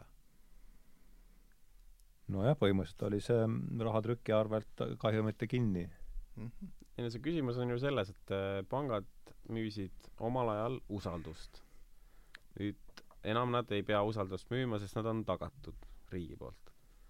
ja jällegi riik on sekkunud, turg ei, turg ei tööta, äh, juhtub nagu teine sammas, on ju, et äh, kõik oli hästi ja siis tuli riik, sekkus. Noh või, või ma, ma ootan vastu argumente. ma, ma ei ütleks, et äh, Eesti riik oleks siin äh, patune. oi no seda küll, jah. see ei ole nüüd ta, Eesti riik on siin räägi... ikkagi niisugune marginaalne nähtus marginaalne kogu, kogu selle, kogu selles ja. asjas ja, ja no et Nii et, ja noh, see on muidugi põhiline filosoofiline küsimus, et, et, et kas enne oli kõik hästi ja siis tuli riiki, kõik läks halvasti või oli või läks enne halvasti. või oli sest... kõik ikkagi niimoodi alghetkest saadik halvasti olnud ja riik on kuidagi üks võimalus, kuidas selle halvaga hakkama saada. mina, mina olen, mina olen nii vana inimene ja tean, et enne, kui regulatsioon panganduses lahti ei läinud, kolmkümmend aastat finantskriisi ei olnud üldse ja pärast deregulatsiooni hakkasid kriisid tulema järgemööda, kuni käis see viimane kaheksanda, üheksandast suur pauk. nii et ja siis tuli riik appi. enne ta dereguleeris. no siit me jõuame väga val-, valus äh, enne ta tuli ka appi, aga ta tuli appi teisele seltskonnale nii et küsimus on alati see, kellele parajasti riik äh, jah, aga appi tuleb. pangandusel ei olnud vaja tulla kuni aastani ütleme tuhat üheksasada kaheksakümmend. no kui ta de-, dereguleeris või dereguleeris, ütleme, need osad reeglid ära kaotas, et siis ta tuli ikkagi appi ühele seltskonnale, kes, kellel avalesid avalesid võimalused äh, rikastuda. oligi nii. ja nüüd on küsimus, et kas ta tule, tormab tuli uuesti tor-, tor-, jah, et tormab appi erinevatele, tormab appi erinevale, erinevatele seltskondadele ja see on see minu arust siin on ol, väga oluline kõik üritavad seda tekki ju kiskuda enda peale. väga oluline küsimus on, et kas kriis on halb. see mäng ei toimu Eestis muidugi, mida? et küsimus on selles, et kas see kriis on üldse halb asi, mida me tahame iga hinna eest äh, vältida ja kui palju me oleme nõus maksma selle eest, et igasugust äh, stagneeruvat stabiilsust hoida noh, see kriis, mis oli, oli kindlasti teatud rühmale hea, sest kuidas äh, nüüd kontsentratsioon toimus, jõukuse kontsentratsioon pärast kümne aasta jooksul, see on ju teada. kui palju võitis kuldne promill, kui palju kuldne protsent ja kui palju kaotasid teised. see on ju kokku arvutatud. see, mis võimendas veel kord seda kriisi algpõhjust äh, paljuski. liiga suur, et läbi kukkuda. Jah, seesama. ja no mulle tuleb ka siin meelde üks, siiamaani on üks kunagi seda Bloombergi vaadata, seal oli vist ka istusid kolm meest ümber laua ja niisugune sügavmõtteline lause oli, et inglise keeles oli ta, et people would like to save more but they just don't know how et see ja no ja. nii see, sinna me ole-, noh, seal on selle asja ikkagi see juurpõhjus, et kuidas, kuidas see asi ikkagi püsib koos ja need, kes noh, need, kes endaga hakkama saavad, need saavad hakkama niikuinii mm. ja, ja küsimus on siis ikkagi see, et kuidas see, noh, see, kuidas, kuidas jah. iga vald oma vaesed ära toidab, see, me räägime sisuliselt ju sellest. ainult, ainult sellest, ainult sellest selleks, et ära toita, on vaja majandust. aga ma tahtsin selle liiga suur, et ei, läbi kukkuda aga... tulla. korraks, kui, kui me pärast tuleme tagasi, jäta mõte meelde, aga, aga just äh, teise samba valguses, et äh, praegu on neli miljardit ja me aina toidame seda koljatit ja toidame ja toidame ja toidame, kuni äh, see on liiga suur et läbi kukkuda? siin ma olen jah, põhimõtteliselt on see ikkagi üks kompleks, mis on riigivõim ja, ja pangad on oma, on omavahel väga tihedalt läbi põimunud, Eesti on siin muidugi teisejärguline, eks siin käib see kõik sellise noh, eks me aimame ka mingil määral seda asja järele, aga ma arvan, see põhiprobleem on ikkagi seal jah, et see äh, et see jah, see üle, ülemine ešelon on seal omavahel tihedalt, väga et... tihedamalt läbi põimunud, kui see oleks, ma ka arvan, pikas perspektiivis ka neile endile kasulik. aga see... Heido, oota, las ta, Heido räägib ära. ma juba unustasin ära, mida ma tahtsin ütelda.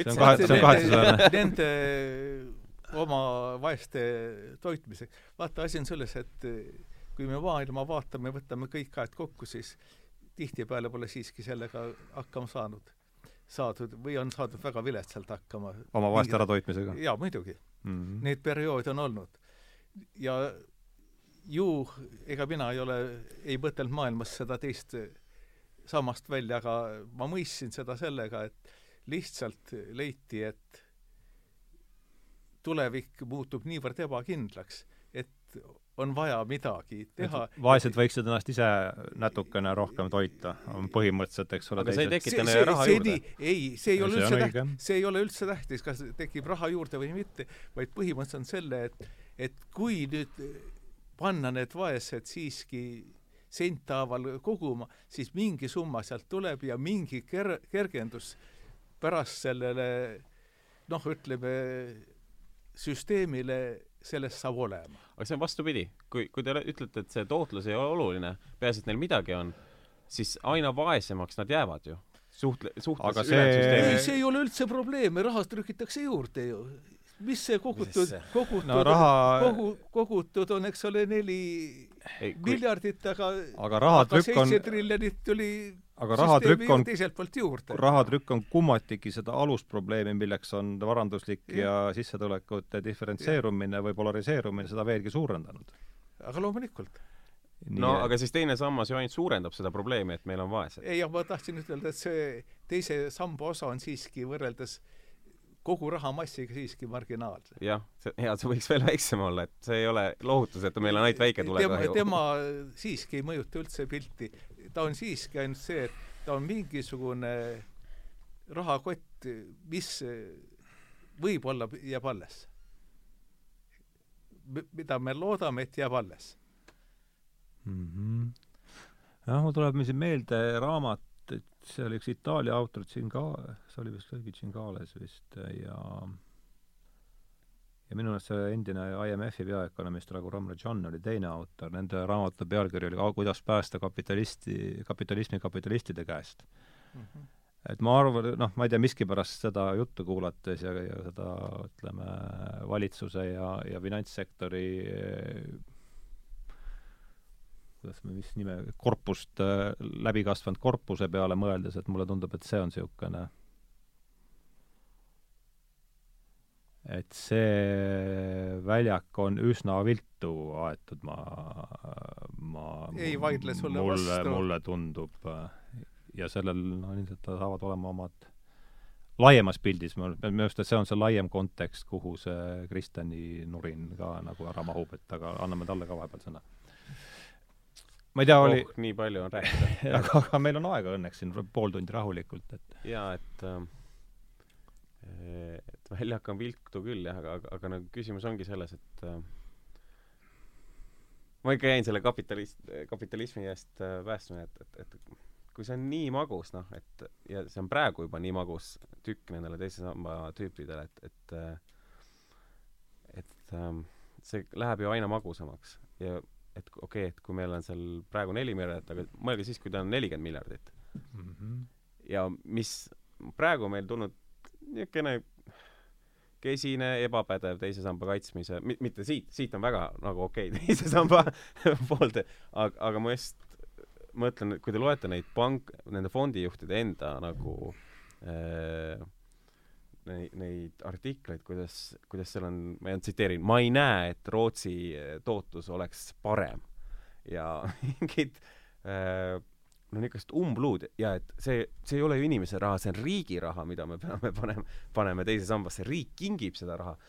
et, et see nii madala kvaliteediga teise samba pool, et praegu see on nii, aga siis, kui see on nelikümmend miljardit ja keegi siis ütleb, et kuulge, et poisid, et võib-olla see ei ole mõistlik plaan ikka, et milline surve siis hakkab tulema, ühesõnaga, kes ütles, et kuningas on alasti, noh ei, mina olen täiesti veendunud, et eh, kui midagi teha, siis tuleb kõigepealt vaadata, miks Eesti fondide tootlus nii madal on ja teine vaadata, mis saab pärast seda, kui kell on kukkunud ja hakatakse välja maksma. Kui neid kahte probleemi ära ei lahendata, siis eh, asi on nukralt noh, vähe rõõmustav, ütleme. aga mulle see mõte jäi mul kõlama, see on paar korda siin läbi käinud ja ma arvan, see on oluline, sa ütlesid, et kui kaks tuhat kaks see süsteem loodi, siis me olime ühes olukorras, mm, finantskriisi eelses olukorras, kus äh, tootlused olid teised ja nüüd äh, no nüüd me oleme minu arvates, teine asi, mis on siin laiemas pildis, on oluline, meile öeldakse ju valitsuse poo-, valitsuse, valitsus ütleb meile kahte täiesti diametraalselt vastukäivat asja, et selleks, et kogu see kupatus kokku ei variseks, peate te tarbima. Et noh, muidu kaovad needki töökohad, mis meil, mis meil veel on, ära. Ja, ja selleks me hoiame intresse noh, nullis sisuliselt, et ainult, et te tarbiksite. Ja samal ajal äh, peame me, peame me ka vanaduseks säästma, et kuidas need kaks Vaata, asja teie arvates nagu kokku, kokku klapivad? unustad ära, et seda räägitakse maailmas. meil ju tegelikult intressidega on nii, nagu ta on, eks ole. meie ei määra neid. tarbimislaen on kakskümmend protsenti.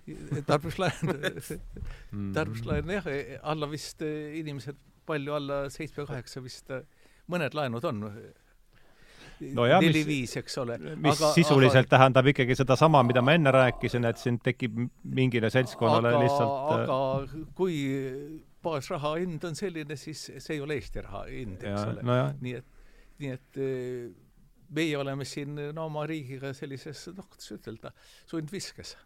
jah, see, see ük-, üks asi, mida see teise samba kaotajad on, on äh, pakkunud, ongi see, et, et äh, et tegelikult, kui sa kehtestad teise samba, võtad kohustusliku korras inimeselt ära raha, siis raha nõudlus suureneb. selle ta-, selle eest nad võtavad siis laenu või noh, kui kindlalt seda võtab, keegi ei oska, andmeid ei ole praegu, on ju, aga igatahes äh, laenu võtmine suureneb ja see, laenud on eelpool välja käidud protsentidega, mis on ül-, oluliselt ületavad Äh, siis teise samba tootlust, et üks argument teise samba kaotamisel ongi olnud see, et äh, aga siis nad maksavad need laenud tagasi ju. aa, seda kirjutas Neivelt jah, et see mm.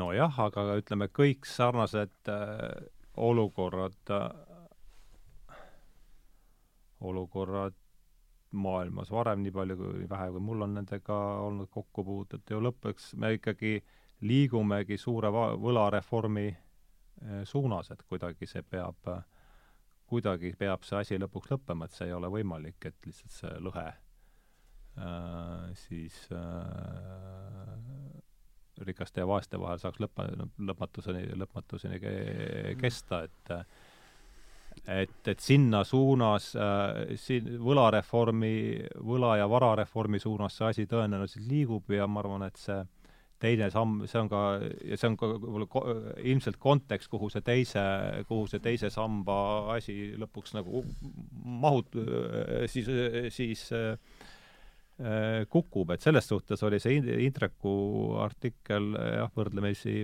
aval-, noh, nii-öelda avas probleemi sellise olulise tahu minu jaoks. jah, ega lõppude lõpuks see, mida sa ütlesid, seda rehkendas äh, rohkem kui sada aastat tagasi ju Pareto ka välja, et varanduslik ebavõrdsus ei ole kunagi kasvanud lõpmatu suureks ja kunagi ei ole ta püsinud ka võrdsena. Aga ta alati kasvab pika, pika rahuaja, pika aeg, rahu, ra, rahuaja kestel ta kogu aeg kasvab, kasvab, sest see tundub olevat meil kuni murdepunktini. Jah, ja suurteks võrdsustajateks on siis revolutsioonid ja, ja, ja, ja sõjad, mis toovad pil-. Mitte kunagi ei ole teisiti olnud.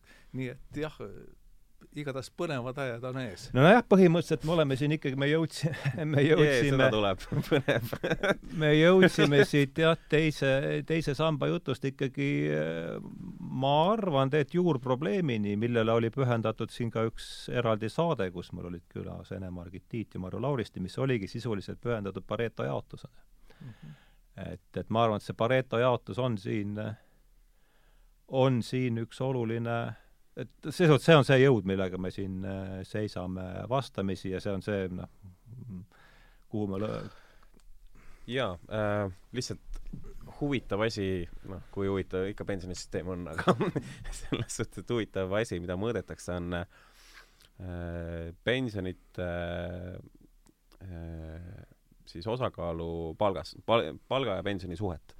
Ja, ja siis näed, nähtakse väga suure probleemina äh, seda, et äh, et tulevikus see suhtarv väheneb, et kui praegu on nelikümmend protsenti äh, netopension netopalgast, kui ma õigesti mäletan, siis, äh, siis see tulevikus väheneb vist kolmekümne kuuele või nii, ja seda nähtakse, nähtakse väga-väga suure probleemina, et äh, ja nüüd ongi nagu kaks asja, kas, kas me väärtustame seda, et kõigil läheb elu paremaks, nad saavad rohkem tarbida ja, ja rohkem tervisekindlustust, mis iganes, kõik, kõik, elu läheb paremaks aga mõnel üksikul läheb palju paremini ja kiiremini paremaks.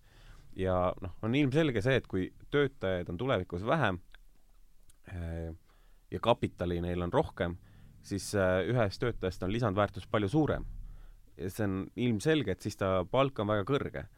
ja, ja siis ma ei tea, ma ei oska praegu leida paremat sõna kui kadedus.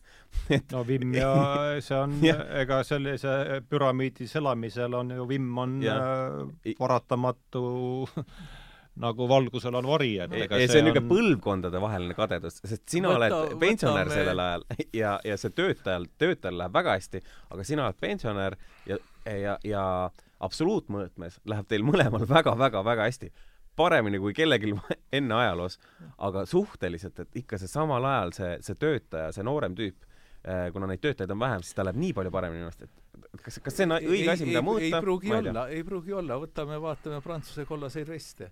seal on tänaval Nõus. rohkem okay. noored just. Nad leiavad, et vanadel läheb liiga hästi. see, ma ei taha selle kollase vestiga minna, ärme, ärme sellest väga kinni, aga, aga, aga, aga üks, see, see võib olla nii ja naa. üks asi, mis minu arust on väga natukene haakub selle administratiivriigiga, mis äh, ja siin ma olen Kristjaniga nagu paljuski ühes paadis, et see ettekirjutav iga sammu niimoodi meile no see suur kanaema, kes meid hoiab natist kinni ja ütleb, et mida, kuhu üht või teist asja panna, et see on, tekitab minul samasugust ebalust, aga just see, et oli ju ülioluline, et ei saaks sõita ilma kollase vestita, ei tohi ük, ükski auto täiesti möödapääsmatu, et arenenud demokraatias peab olema autos kollane vest. et muidu ühiskond ei toimi. ja siis, siis kui see möss hakkas, siis kelle, keelati see kollaste vestide müük ära, et see arust võtab kokku selle mingil tasandil kogu selle, see, kuidas kõik, kõik see asi pöördub ikkagi sellisesse noh, jah, aga ma absurdi. tuleksin tagasi nüüd selle regulatsiooni, ma olen nõus, et regulatsioone on jubedalt palju ja ma ei saa neist aru ja ja ma ei taha neid teada ka, aga käske, käske säästa, see on üks vanemaid käskesid. ta on vähemalt äh, juba Moosese see on ma ei tea, mitmes raamatus see oli, esimeses raamatus kirjas. Joosep oli vist esimese raamatu. Joosep oli esimeses, jah? jah, nii et ta on üks selliseid eh, käskusid, mis on olnud mitu tuhat aastat eh, vajalik. aga muud käsud on juba jah ma lihtsalt märgiks kord jällegi ära, et, et vaatame Euroopa riike, vaatame nende säästmisandmeid, siis olenemata sellest, kas see on käsk säästa või mitte, inimesed säästavad täpselt siis, kui on neil õige aeg jah, aga no. vaat see, millal see õige aeg on, tuleb säästa tegelikult kogu aeg. no e, see on üks koht, kus ma ei ole Kristjaniga nõus, äh, et, et no me ei, see see, sa, tundub, et sa ja ma, ma ilmselt tegin seda ka sinu vanuses võib-olla samavõrra, aga et, et see noh, ratsionaalne indiviid, kes kõik niimoodi ette vaatab ja teab, et see, see on ikkagi, see on ikkagi me räägime keskmisest. paras luul. ei, me räägime keskmisest, mitte mõni ülehindab äh, investeerimisheadust, teine alahindab, keskmine on toonud meile majandusedu. jah, noh, see on, see on jah, vastu, vastuvõetavam. ja, ja, utreeritud äh, mõttes no kui me päris idioodid oleksime, siis me oleksime surnud ammu enne dinosaurusi välja. täpselt, ja utreeritud mõttes äh, toon siis äh, sinu noorpõlve, et äh, üheksakümmend üks, keskmine palk mingi sada viiskümmend krooni või? et no midagi siukest, onju, et paned kümme protsenti äh, sellest kõrvale, võtad täna pensionärina välja äh,, vaat, vaat sendid vastu. oota, mis me sellest räägime? ei, see on utreeritud, nõus, see oli väga kiire palgakasv, väga kiire majanduskasv äh,. aga lihtsalt sellest, et mu pointist aru saaksite, et, et kui palju see täna äh, see kaks protsenti või kuus protsenti, mis, mis teise sambasse läheb, et, et kui palju see säästuna kasulik on meile neljakümne aasta pärast? kui ma, palk on ma kor-, kordan veel, viis korda kõrgem, noh. kuni kaheksanda aastani see raha, mis võeti minu palgalt kohustuslikus korras kinni ja investeeriti, tõi mulle rohkem sisse, kui oli palgakasvu kiirus. nii et selline keskkond on meil olnud nii et me oleme ikkagi, see kaks tuhat kaheksa on ikkagi murdepunkt. fundamentaalne murdepunkt nii murdepunkt, nii mitmeski mõttes, et ja. ja ka selles mõttes ma arvan, äh, puht sellises kõige, et me näeme pärast suurt majanduskriisi, ma mõtlen siis kahe, kahe tuhande kolmekümnendad on see, mida nad nimetavad inglise keeles äh, Great Compression, see on siis ja. suure ühtlustamise ajastu, see jõuab lõpuni kusagil seitsmekümnendat aastat Umbes, naftakriisiga ja siis hakkab see suur polari-, varandus, varandusliku polariseerimise ajastu uuesti mm. -hmm. ja seda, seda lõhet ikkagi alates kaheksandast aastatest kuskilt täideti laias lai,, väga suures osas äh, laenurahaga.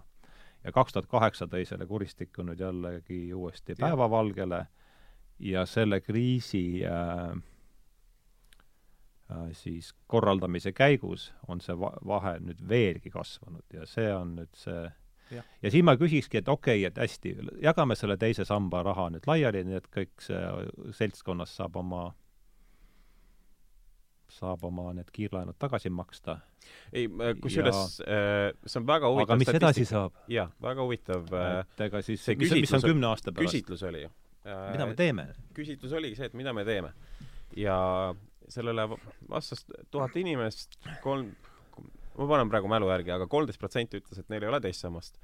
Äh, vist kolmkümmend protsenti ütles, et nad jätkaks teise sambaga. kakskümmend protsenti ütles, et nad võtaks raha välja ja, ja, ja investeeriks ise. ja siis ainult seitseteist protsenti ütles, et äh, nad võtaks välja ja kulutaks ära. Nad ei säästaks rohkem. et äh, see on jällegi argument selle väite vastu, et meil on ainult hasartmängusõltlased ja joodikud ja, ja kes tahavad kõik kohe raha laiaks lüüa, et oleks üks suur pidu ja siis oleks pohmell nelikümmend aastat. ei, aga isegi see seitseteist protsenti on üsna suur hulk, keda ülal tuleb pidada. nii et selles suhtes, et meil on ikkagi, elu ongi selleks, et oma valikuid ise teha ja, ja mis on riigi roll siin, riigi roll on see, et et äh, olenemata sellest, kas sa teed nagu tarku otsuseid õigeid otsuseid, halbu otsuseid, siis kõigil võib elus halvasti minna ja riigi roll ongi see, et see miinimum on kindlustatud. Ja, ja see ongi esimese samba roll. Äh,. toimetulekutoetuse ja esimese samba kokkupanekut arutati juba seekord. Ja see on, see on põhimõtteliselt, nad täidavad sama vajadust. Mm.. kõigil võib halvasti minna, katame miinimumi ära ja see miinimum ei ole päris miinimum, see ei ole nagu, et äh, oled supiköögis ja kannad kaltse. See on niimoodi, et sa jääd ellu mm. ja, ja see ongi riigi roll. jah, aga kui teine sammas välja mõeldi, oli kahtlus, et esimene sammas välja ei vea ja et läheb raskeks ka selle miinimumiga. nii et Läks teisiti? noh, läks teisiti. Läheb jätkuvalt teisiti? eks näeb, see on niivõrd lühikene aeg, ainult praegu on, eks ole, seitseteist aastat hakkab saama. nii et see on, see on nii, aga teine asi on see, et kui nüüd seda vabadust anda, siis kas tuleb vasakusse või paremasse silma vaadata ja ütelda, et, et sina oled see, kes, keda võib ja usaldada ja teine on see, keda tuleb, tähendab, käe otsas. lihtsam siiski ütelda, et paneme kõik need kaks pisikest protsenti kõrvale ja on mingi ei, aga paari lolli pärast, paari lolli ole, pärast ei, ei pea kõiki sa ise, sa ise tõid välja, et see on seitseteist, see ei ole ainult paar, paar aga võib-olla see on hea, kui nad kulutavad. võib-olla, võib-olla on see hea, et nad maksavad oma korteriüüri lihtsamalt või, või söövad. jah, aga, aga võtame veel need, kes ütlesid, et jätavad teise sambasse, nad lihtsalt ei usalda võib-olla ennast ja, ja leiavad, et nii, et siis ja. paneme seitsmeteistkümnele juba kakskümmend juurde. ja siis need, kes ütlevad, et nad, kes ütlevad, et nad investeerivad ise, siis ma arvan, et pooled nendest investeerivad, pooled jätavad investeerimata, sest on parematki teha ongi paremat teha aga see point on väga selge, et enamus pooldavad investeerimist, enamus ei ole lollid ja enamuse ja vähemuse pärast ei pea enamus kunagi karistama. ei, aga ma arvan, et asi on ikka selles, et inimesed tõesti ei ole lollid ja praegult on investeerimine rohkem nagu vene ruleti mängimine nii, aga see Vene ruleti mängimine on ka ilmselgelt meie fondihaldurite jaoks. on küll, aga aga, aga ei, aga siiski professionaalne fondihaldur teeb vähem ta, ta päris, kui ta hakkab ruletti mängima, ta kuuli ikka ei pane sisse, ta no eelmine, no, eelmine aasta kaotasid teise samba fondid kolm protsenti tootlust. aastal kaks tuhat kaheksa, aastal kaks tuhat kaheksa nad kaotasid veerandi. kakskümmend neli protsenti oli negatiivne tootlus. nominaalsest me räägime. no kuidas me seda asja ka ei vaataks, ikkagi see on Äh, raske on vist seda teisiti sõnastada, et riik on öelnud, näete, teil on, siin on teile garanteeritud raha, ehk siis mingis mõttes äh, mingile osale seltskonnas garanteeritud sissetulek, äh, see tänu sellele, et see pensioniraha on nendel majandada. Ja noh, mis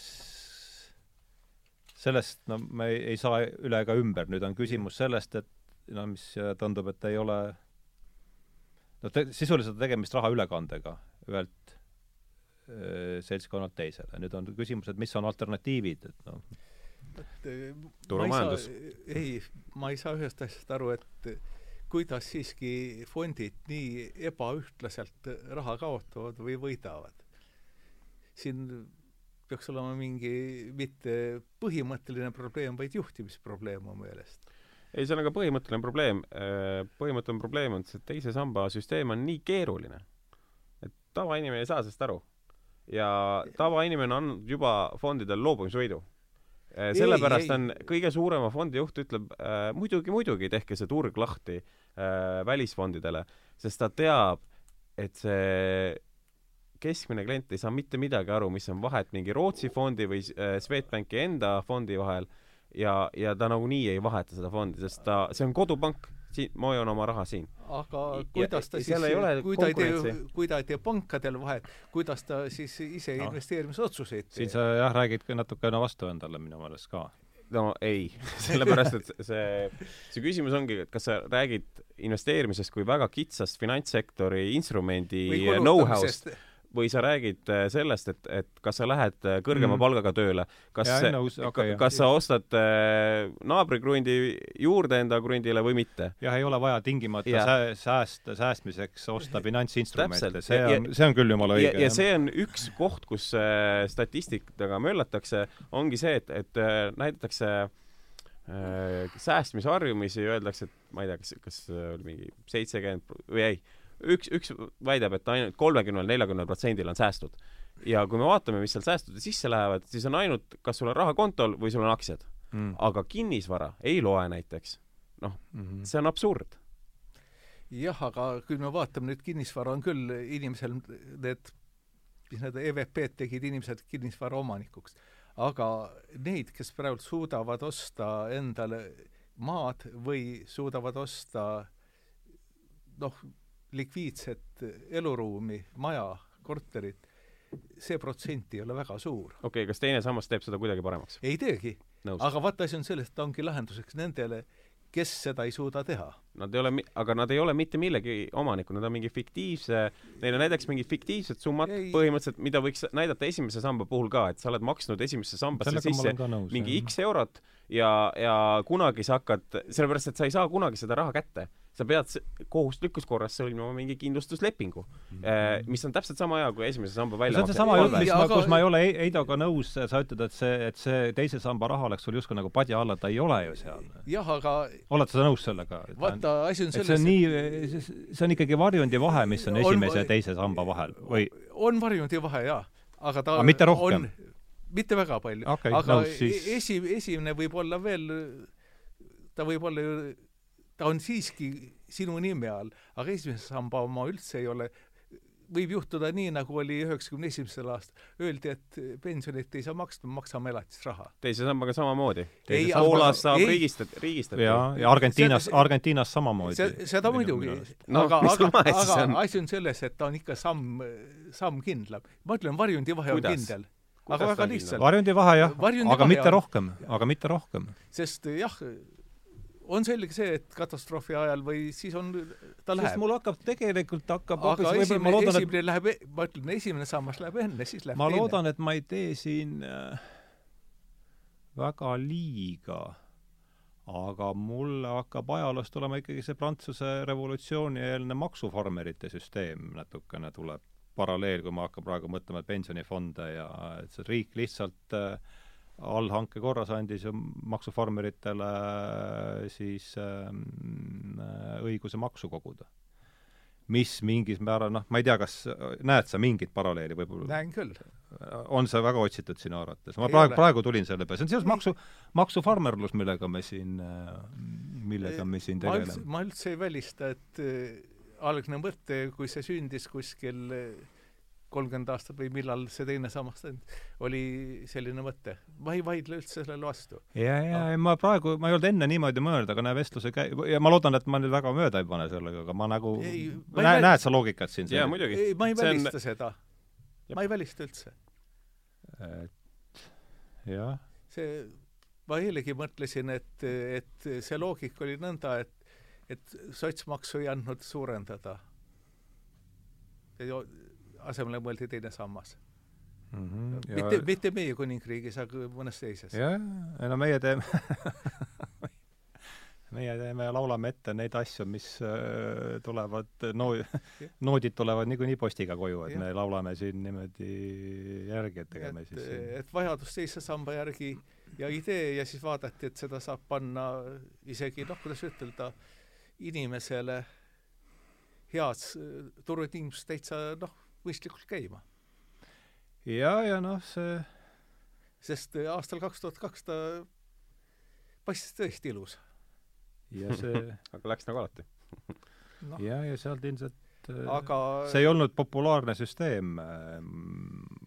see oli üks äh, suuremat sest soolamaks ja maksufarmerlus olid seal selle revolutsiooni äh, puhkemisel aga- kaks äh, sellised olulisemat aga, asja. aga noh, nagu mina sain omal ajal aru, enne kui meil teine sammas tuli, oli see, et vaadati, eks-, ekstrapoleeriti demograafilist olukorda ja siis eh, riigi võimet maksta pensione. et on vaja maksusid suurendada. ja, ja Seda enam, see oli kindlalt ebapopulaarne. teine sammas mm -hmm. on noh, ei ole enam maks, vaid on makse. Ja, ja tule... asi on juba noh, ja, ja ma tuleksin ikkagi tagasi sellesama tunne, mis mul on see, et Rahandusministeerium ja pangad ikkagi järjest enam moodustavad ühtse, ühtse kompleksi. mulle tundub, riik ja riik ja pangandussüsteem moodustavad järjest enam ühe, ühe kompleksi, see on minu selline sisetunne, ma ei tea, mis teie selle kohta sest no järjest rohkem läheb ju kontrollifunktsioone äh, pankade kätte ja sina mäletad ju seda aega ometi, kus äh, tsentraalses plaanimajanduses ja ma ei väida, et me seal oleme, aga aga reaalseid ressursse jagasid ju ministeeriumid ja pangad panid lihtsalt selle kirja, mis, äh, mis siis oli nii. panga, pankadel lihtsalt oli kontrolli äh, kontrollifunktsioon ja ma olen selline, me selgelt võrreldes kahe tuhande kaheksandaga, me oleme väga tubli sammu astunud selle, sinnapoole, ma ei tea, mis te sellest? ma arvan, et võib-olla me oleme mingil määral nihkunud, aga tublit sammu ma ka ei ütle, sest vaata, asi on selles, et see, mis puutub ikka erasektorit, siis no erasektor on meil olemas, vaieldamatult see, see, see on ole. olemas ja ja tema käibed on ikka võrreldes noh, võtame kas või selle teise sambaga niivõrd palju suuremad, et noh, sellist ja aga mille arvelt see tuleb? ja, ja aga no jah, ütleme, me oleme astunud paar kukesammu, tubli samm on jah, ma olen nõus, et see on nagu et kui meil tuleb pankade kasumist pool tuleb teisest sambast, siis on noh sellised on numbrid, jah? Äh, jah, suurusjärg on niisugused. Mhm. mis äh, ma ei tea, kui ei oska, ei, ei oska, oska kinnitada? Aga noh, põhimõtteliselt on see ju riigil, riigi sunni jõul nende majandamiseks antud raha, aga noh, kus tõenäoliselt peaks tootlus olema ei no küsimus suures plaanis ongi selles, et kas äh, kui ma ennem rääkisin siin, et millal riik peaks sekkuma, kas, kas me käsitleme isiku vaba tahet turutõrkena?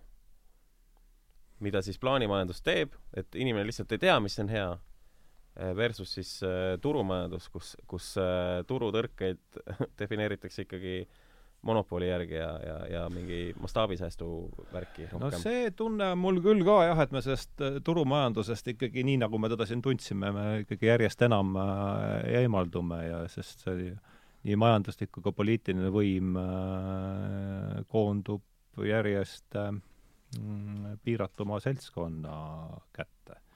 mis tähendab sedasama Pareto, mis on kooskõlas Pareto jaotusega, ma ei tea, mis te sellest mõtlesite?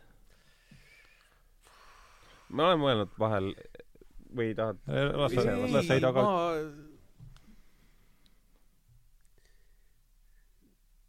ma olen täiesti nõus sellega, et majanduslik võim koondub ja, ja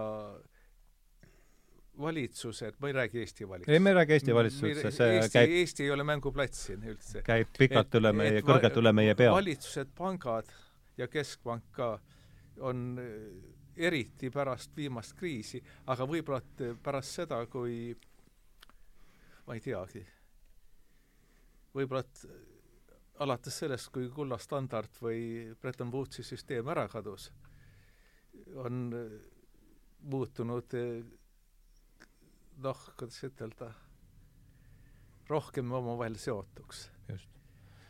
ja see on seotud. pärast seda, kui lõppes see suure, suure ühtlustumise ajastuga, hakkas see ja. polariseerumine. jah, jah, siis on nad rohkem seotud. mis tähendab seda, et mänguväljak on ka järjest, järjest rohkem, rohkem kaldu ja nüüd on edasine küsimus, kui, kui kaldu ta meil üldse nagu aga minna saab, kust tuleb see ka sama kollaste vestide teema uuesti sisse jälle. aga kui palju nüüd see vaat ma ei, isegi selle peale ei ole mõelnud, kuigi ma olin sinuga täiesti nõus, ma mõtlesin selle peale, et et just see mure, et ei suudeta sotsmaksu enam tõsta, et see on eb absoluutselt ebapopulaarne, siis mõeldi välja teine sammas mm -hmm. ja kogumine, et see oleks noh, siiski sisuliselt sa kogud jah, sotsiaalmaksu tõst-? tõst-, kogu sotsiaalmaksu personaalselt, eks ole mm -hmm. personifitseeritud, et see on nagu vastuvõetav.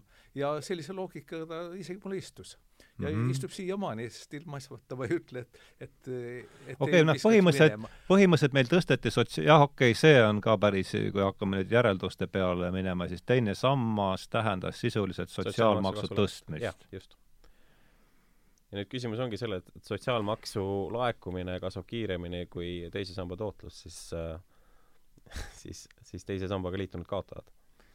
ja alati selli-, ja alati, ja alati selliste ümberkorralduste käigus luuakse mingi grupp, mis on väga huvitatud äh, selle süsteemi jätkumisest, selles ei ole ka midagi nagu. ja nüüd küsimus ongi tegelikult noh, suures pildis, kui me rääkisime, nagu maailmast räägime, nendest reeglitest ja nendest, et kas äh, kas me saame nagu kujutada ette, et, et ükskord tuleb meile võimule parlament, kes hakkab hoopis seadusi vähendama?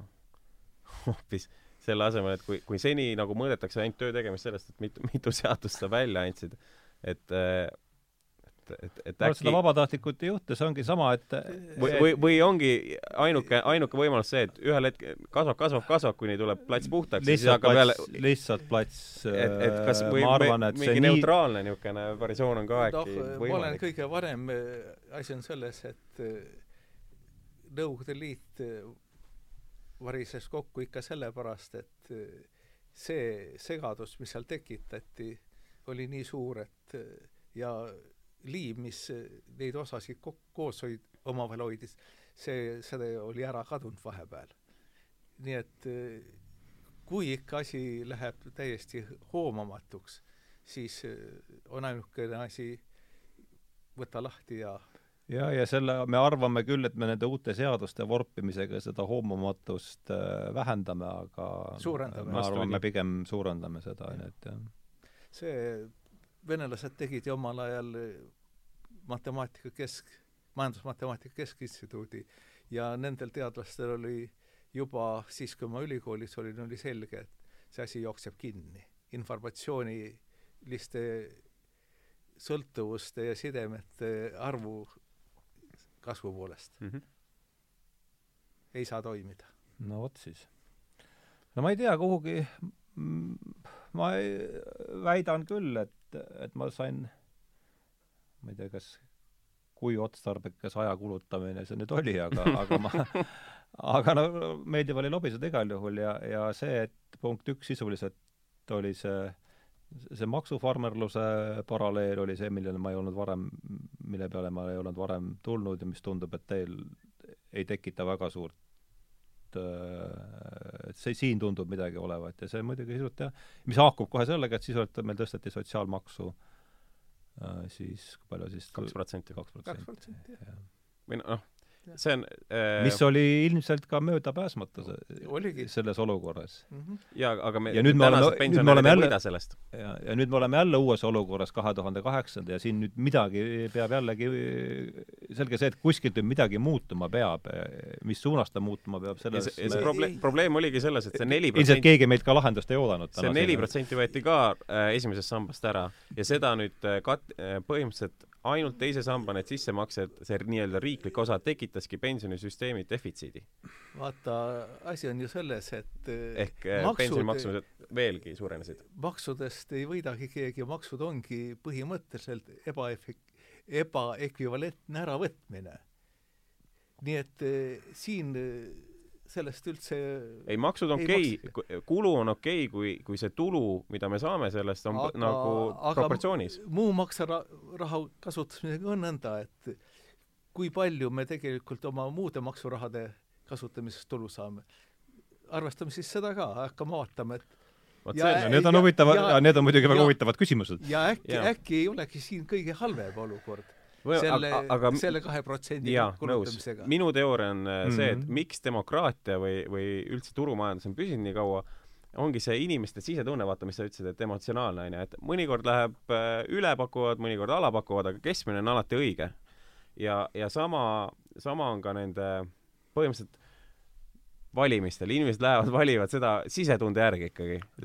ja, ja, ja, ja sealt tulebki see, et kui, kui inimesed näevad probleemina, neil ei ole andmeid, aga neile tundub, et see teine sammas on nagu kõige hullem ja selle liikluskindlustuse üle keegi ei vingu, siis eelduslikult, majanduslikult see tulu, mis me proportsionaalselt saame maksukoormusesse, ei ole vasta samm edasi, et, et turumajandus püsib, demokraatia püsivad siis, kui arvatakse, suurem osa rahvast arvab ikkagi, et see väljak on nii enam-vähem niimoodi noh, ega ta päris tasane pole kunagi, et aga, ta ka siin niimoodi kõigub ja. mingi keskvõi ümber, aga kui ta ikkagi niimoodi paistab juba, siis Läheb närvi rahvas. jah, läheb närvi küll, aga vaat asi on selles, et tihtipeale on nõnda, et rahvas läheb närvi juba siis, kui ta on ümber läinud või ümber minemas. mis asi? mänguväljak mm. -hmm. ja tegelikult ta hakkab juba, hakkas kalduma juba jupp aega tagasi. jaa, muidugi. jah, ja ja meil on ta ikkagi, ma väidan, üsna tasa, siiski üsna tasakaalustatud. meil, meil see, on, me oleme üldse niisugune omapärane asi. nojah, aga, aga seal, kus asjad, need, ütleme, see koht, kus see heliarg käes on, seal on see minu arvates on probleem selle väljaku, väljaku noh, nad on kõik kolm korda rohkem kallutanud, neil on aega palju olnud. just, just. no vot siis, aga ma ei tea, kell hakkab viis saama ja siin salvestusstuudios, et äh, tuli meelde, üheksakümmend neli olin mina, olin Inglismaal. ja siis oli esimest korda ühend, tähendab, Ühendkuningriigi ajaloos oli riiklik loteri.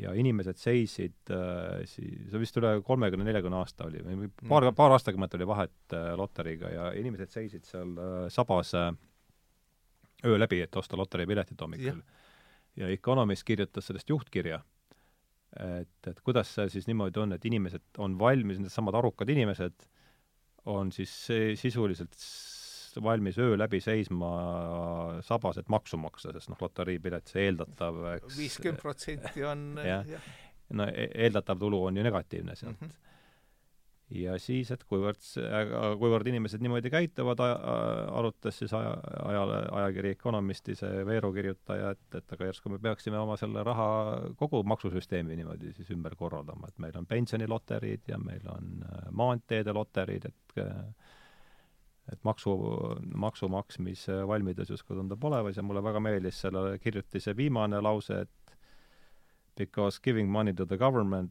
has always been a gamble et raha andmine valitsusele on alati üks suur loteri ja noh, mulle tundub äh, ja mulle tundub, et Kristjan, äh, Kristjani viimaste kuude tegevus äh, tahab ta meile öelda seda, et see loteri, et selle konkreetse loteri tulemused jätavad praegu soovida. nojah, siin eks seal nendel loteriidel tavaliselt on nii et, et viiskümmend protsenti antakse võiduks. aga siin on jah, ajaos-, see on samal aastal makstakse võidud välja. nii et eh, see, seda lubadust on suht kerge täita. aga kui asi on saja aasta peale, vot siis on asi muidugi keerulisem. jah aga ma ütlen veel kord, et ja kui suur osa, mingi osa seltskonnast veel poole rahaga kohe, kohe minema ka jookseb sealt, eks, et siis noh, see tekitab ja sina saad võib-olla viiekümne aasta pärast, võib-olla. siis see tekitab, võib tekitada nurina, ei maksa olla imestanud, et see tekitab nurinat. nõus. jah, aga no midagi siis,, midagi siis, positiivset siiski, siiski tähendab ma ütlen, et midagi on sotsmaksu asemele pakutud, mille peale võib, võib-olla rohkem loota kui sotsmaksuga. nojah, ütleme siis niimoodi jah, et kui seda maksu tuli tõsta niikuinii, et ju. siis võib-olla muidu ei, muidu ei oleks siis, tehtud ju seda. et siis võib-olla ma ei tea, kas tuli? tundus, et tuli. aga äkki ei tulnud praegu ju me saame nõupidi nõus. jah, praegu me saame hakkama väiksema sotsiaalmaksuga, sellepärast et selles ost, see kuus... kümme, see kümme aastat on teistsugused no,. eelnevad aastad olid teistsugused no.. kuus protsenti on läinud kuskile varrukasse ja. ja me oleme hakkama saanud. ei, see on, praegused kümme aastat on erandlik ja ma räägin kahekümnest aastast ei, aga võtame ikka riik on hakkama saanud sellega, et teine sammas eksisteerib. Aga... ja teisele te,, riigile on teine sammas ainult kulu olnud. see on sellepärast, see on stardimoment. aga see, mis on viimased aastat käivitamist. viimased küm-... nojah, aga see süsteem ongi... käivitabki pikalt, ega selles pikalt. mõttes ähm... aga see ei ole õigustus ei, ikka on õigustus. asi on selles, et esimene maks laekub, sul peab, tuleb kakskümmend krooni või kakskümmend, tuligi kakskümmend krooni, aga sul pidi olema raamatupidaja platsis. kindlasti kahjum. Need fondid kandsid kõik algul esimesed vähemalt viis aastat või ma ei tea, kui olid kõik kahjumis. maksid peale. no selge, aga mis seal siis ikka äh,, kuhugi me need, midagi sai natuke selgemaks võib-olla, mulle küll. aga suur tänu teid tulemast, olime siis eetris tähenduse teejuhtide kolmekümne viienda saatega vist ja minu saatekülalistajaks olid Kristjan Järvan ja Ida Vitsur, tänan teid tulemast ja head õhtut! head õhtut! saatejuht Ardo Pevler, head õhtut! aitäh!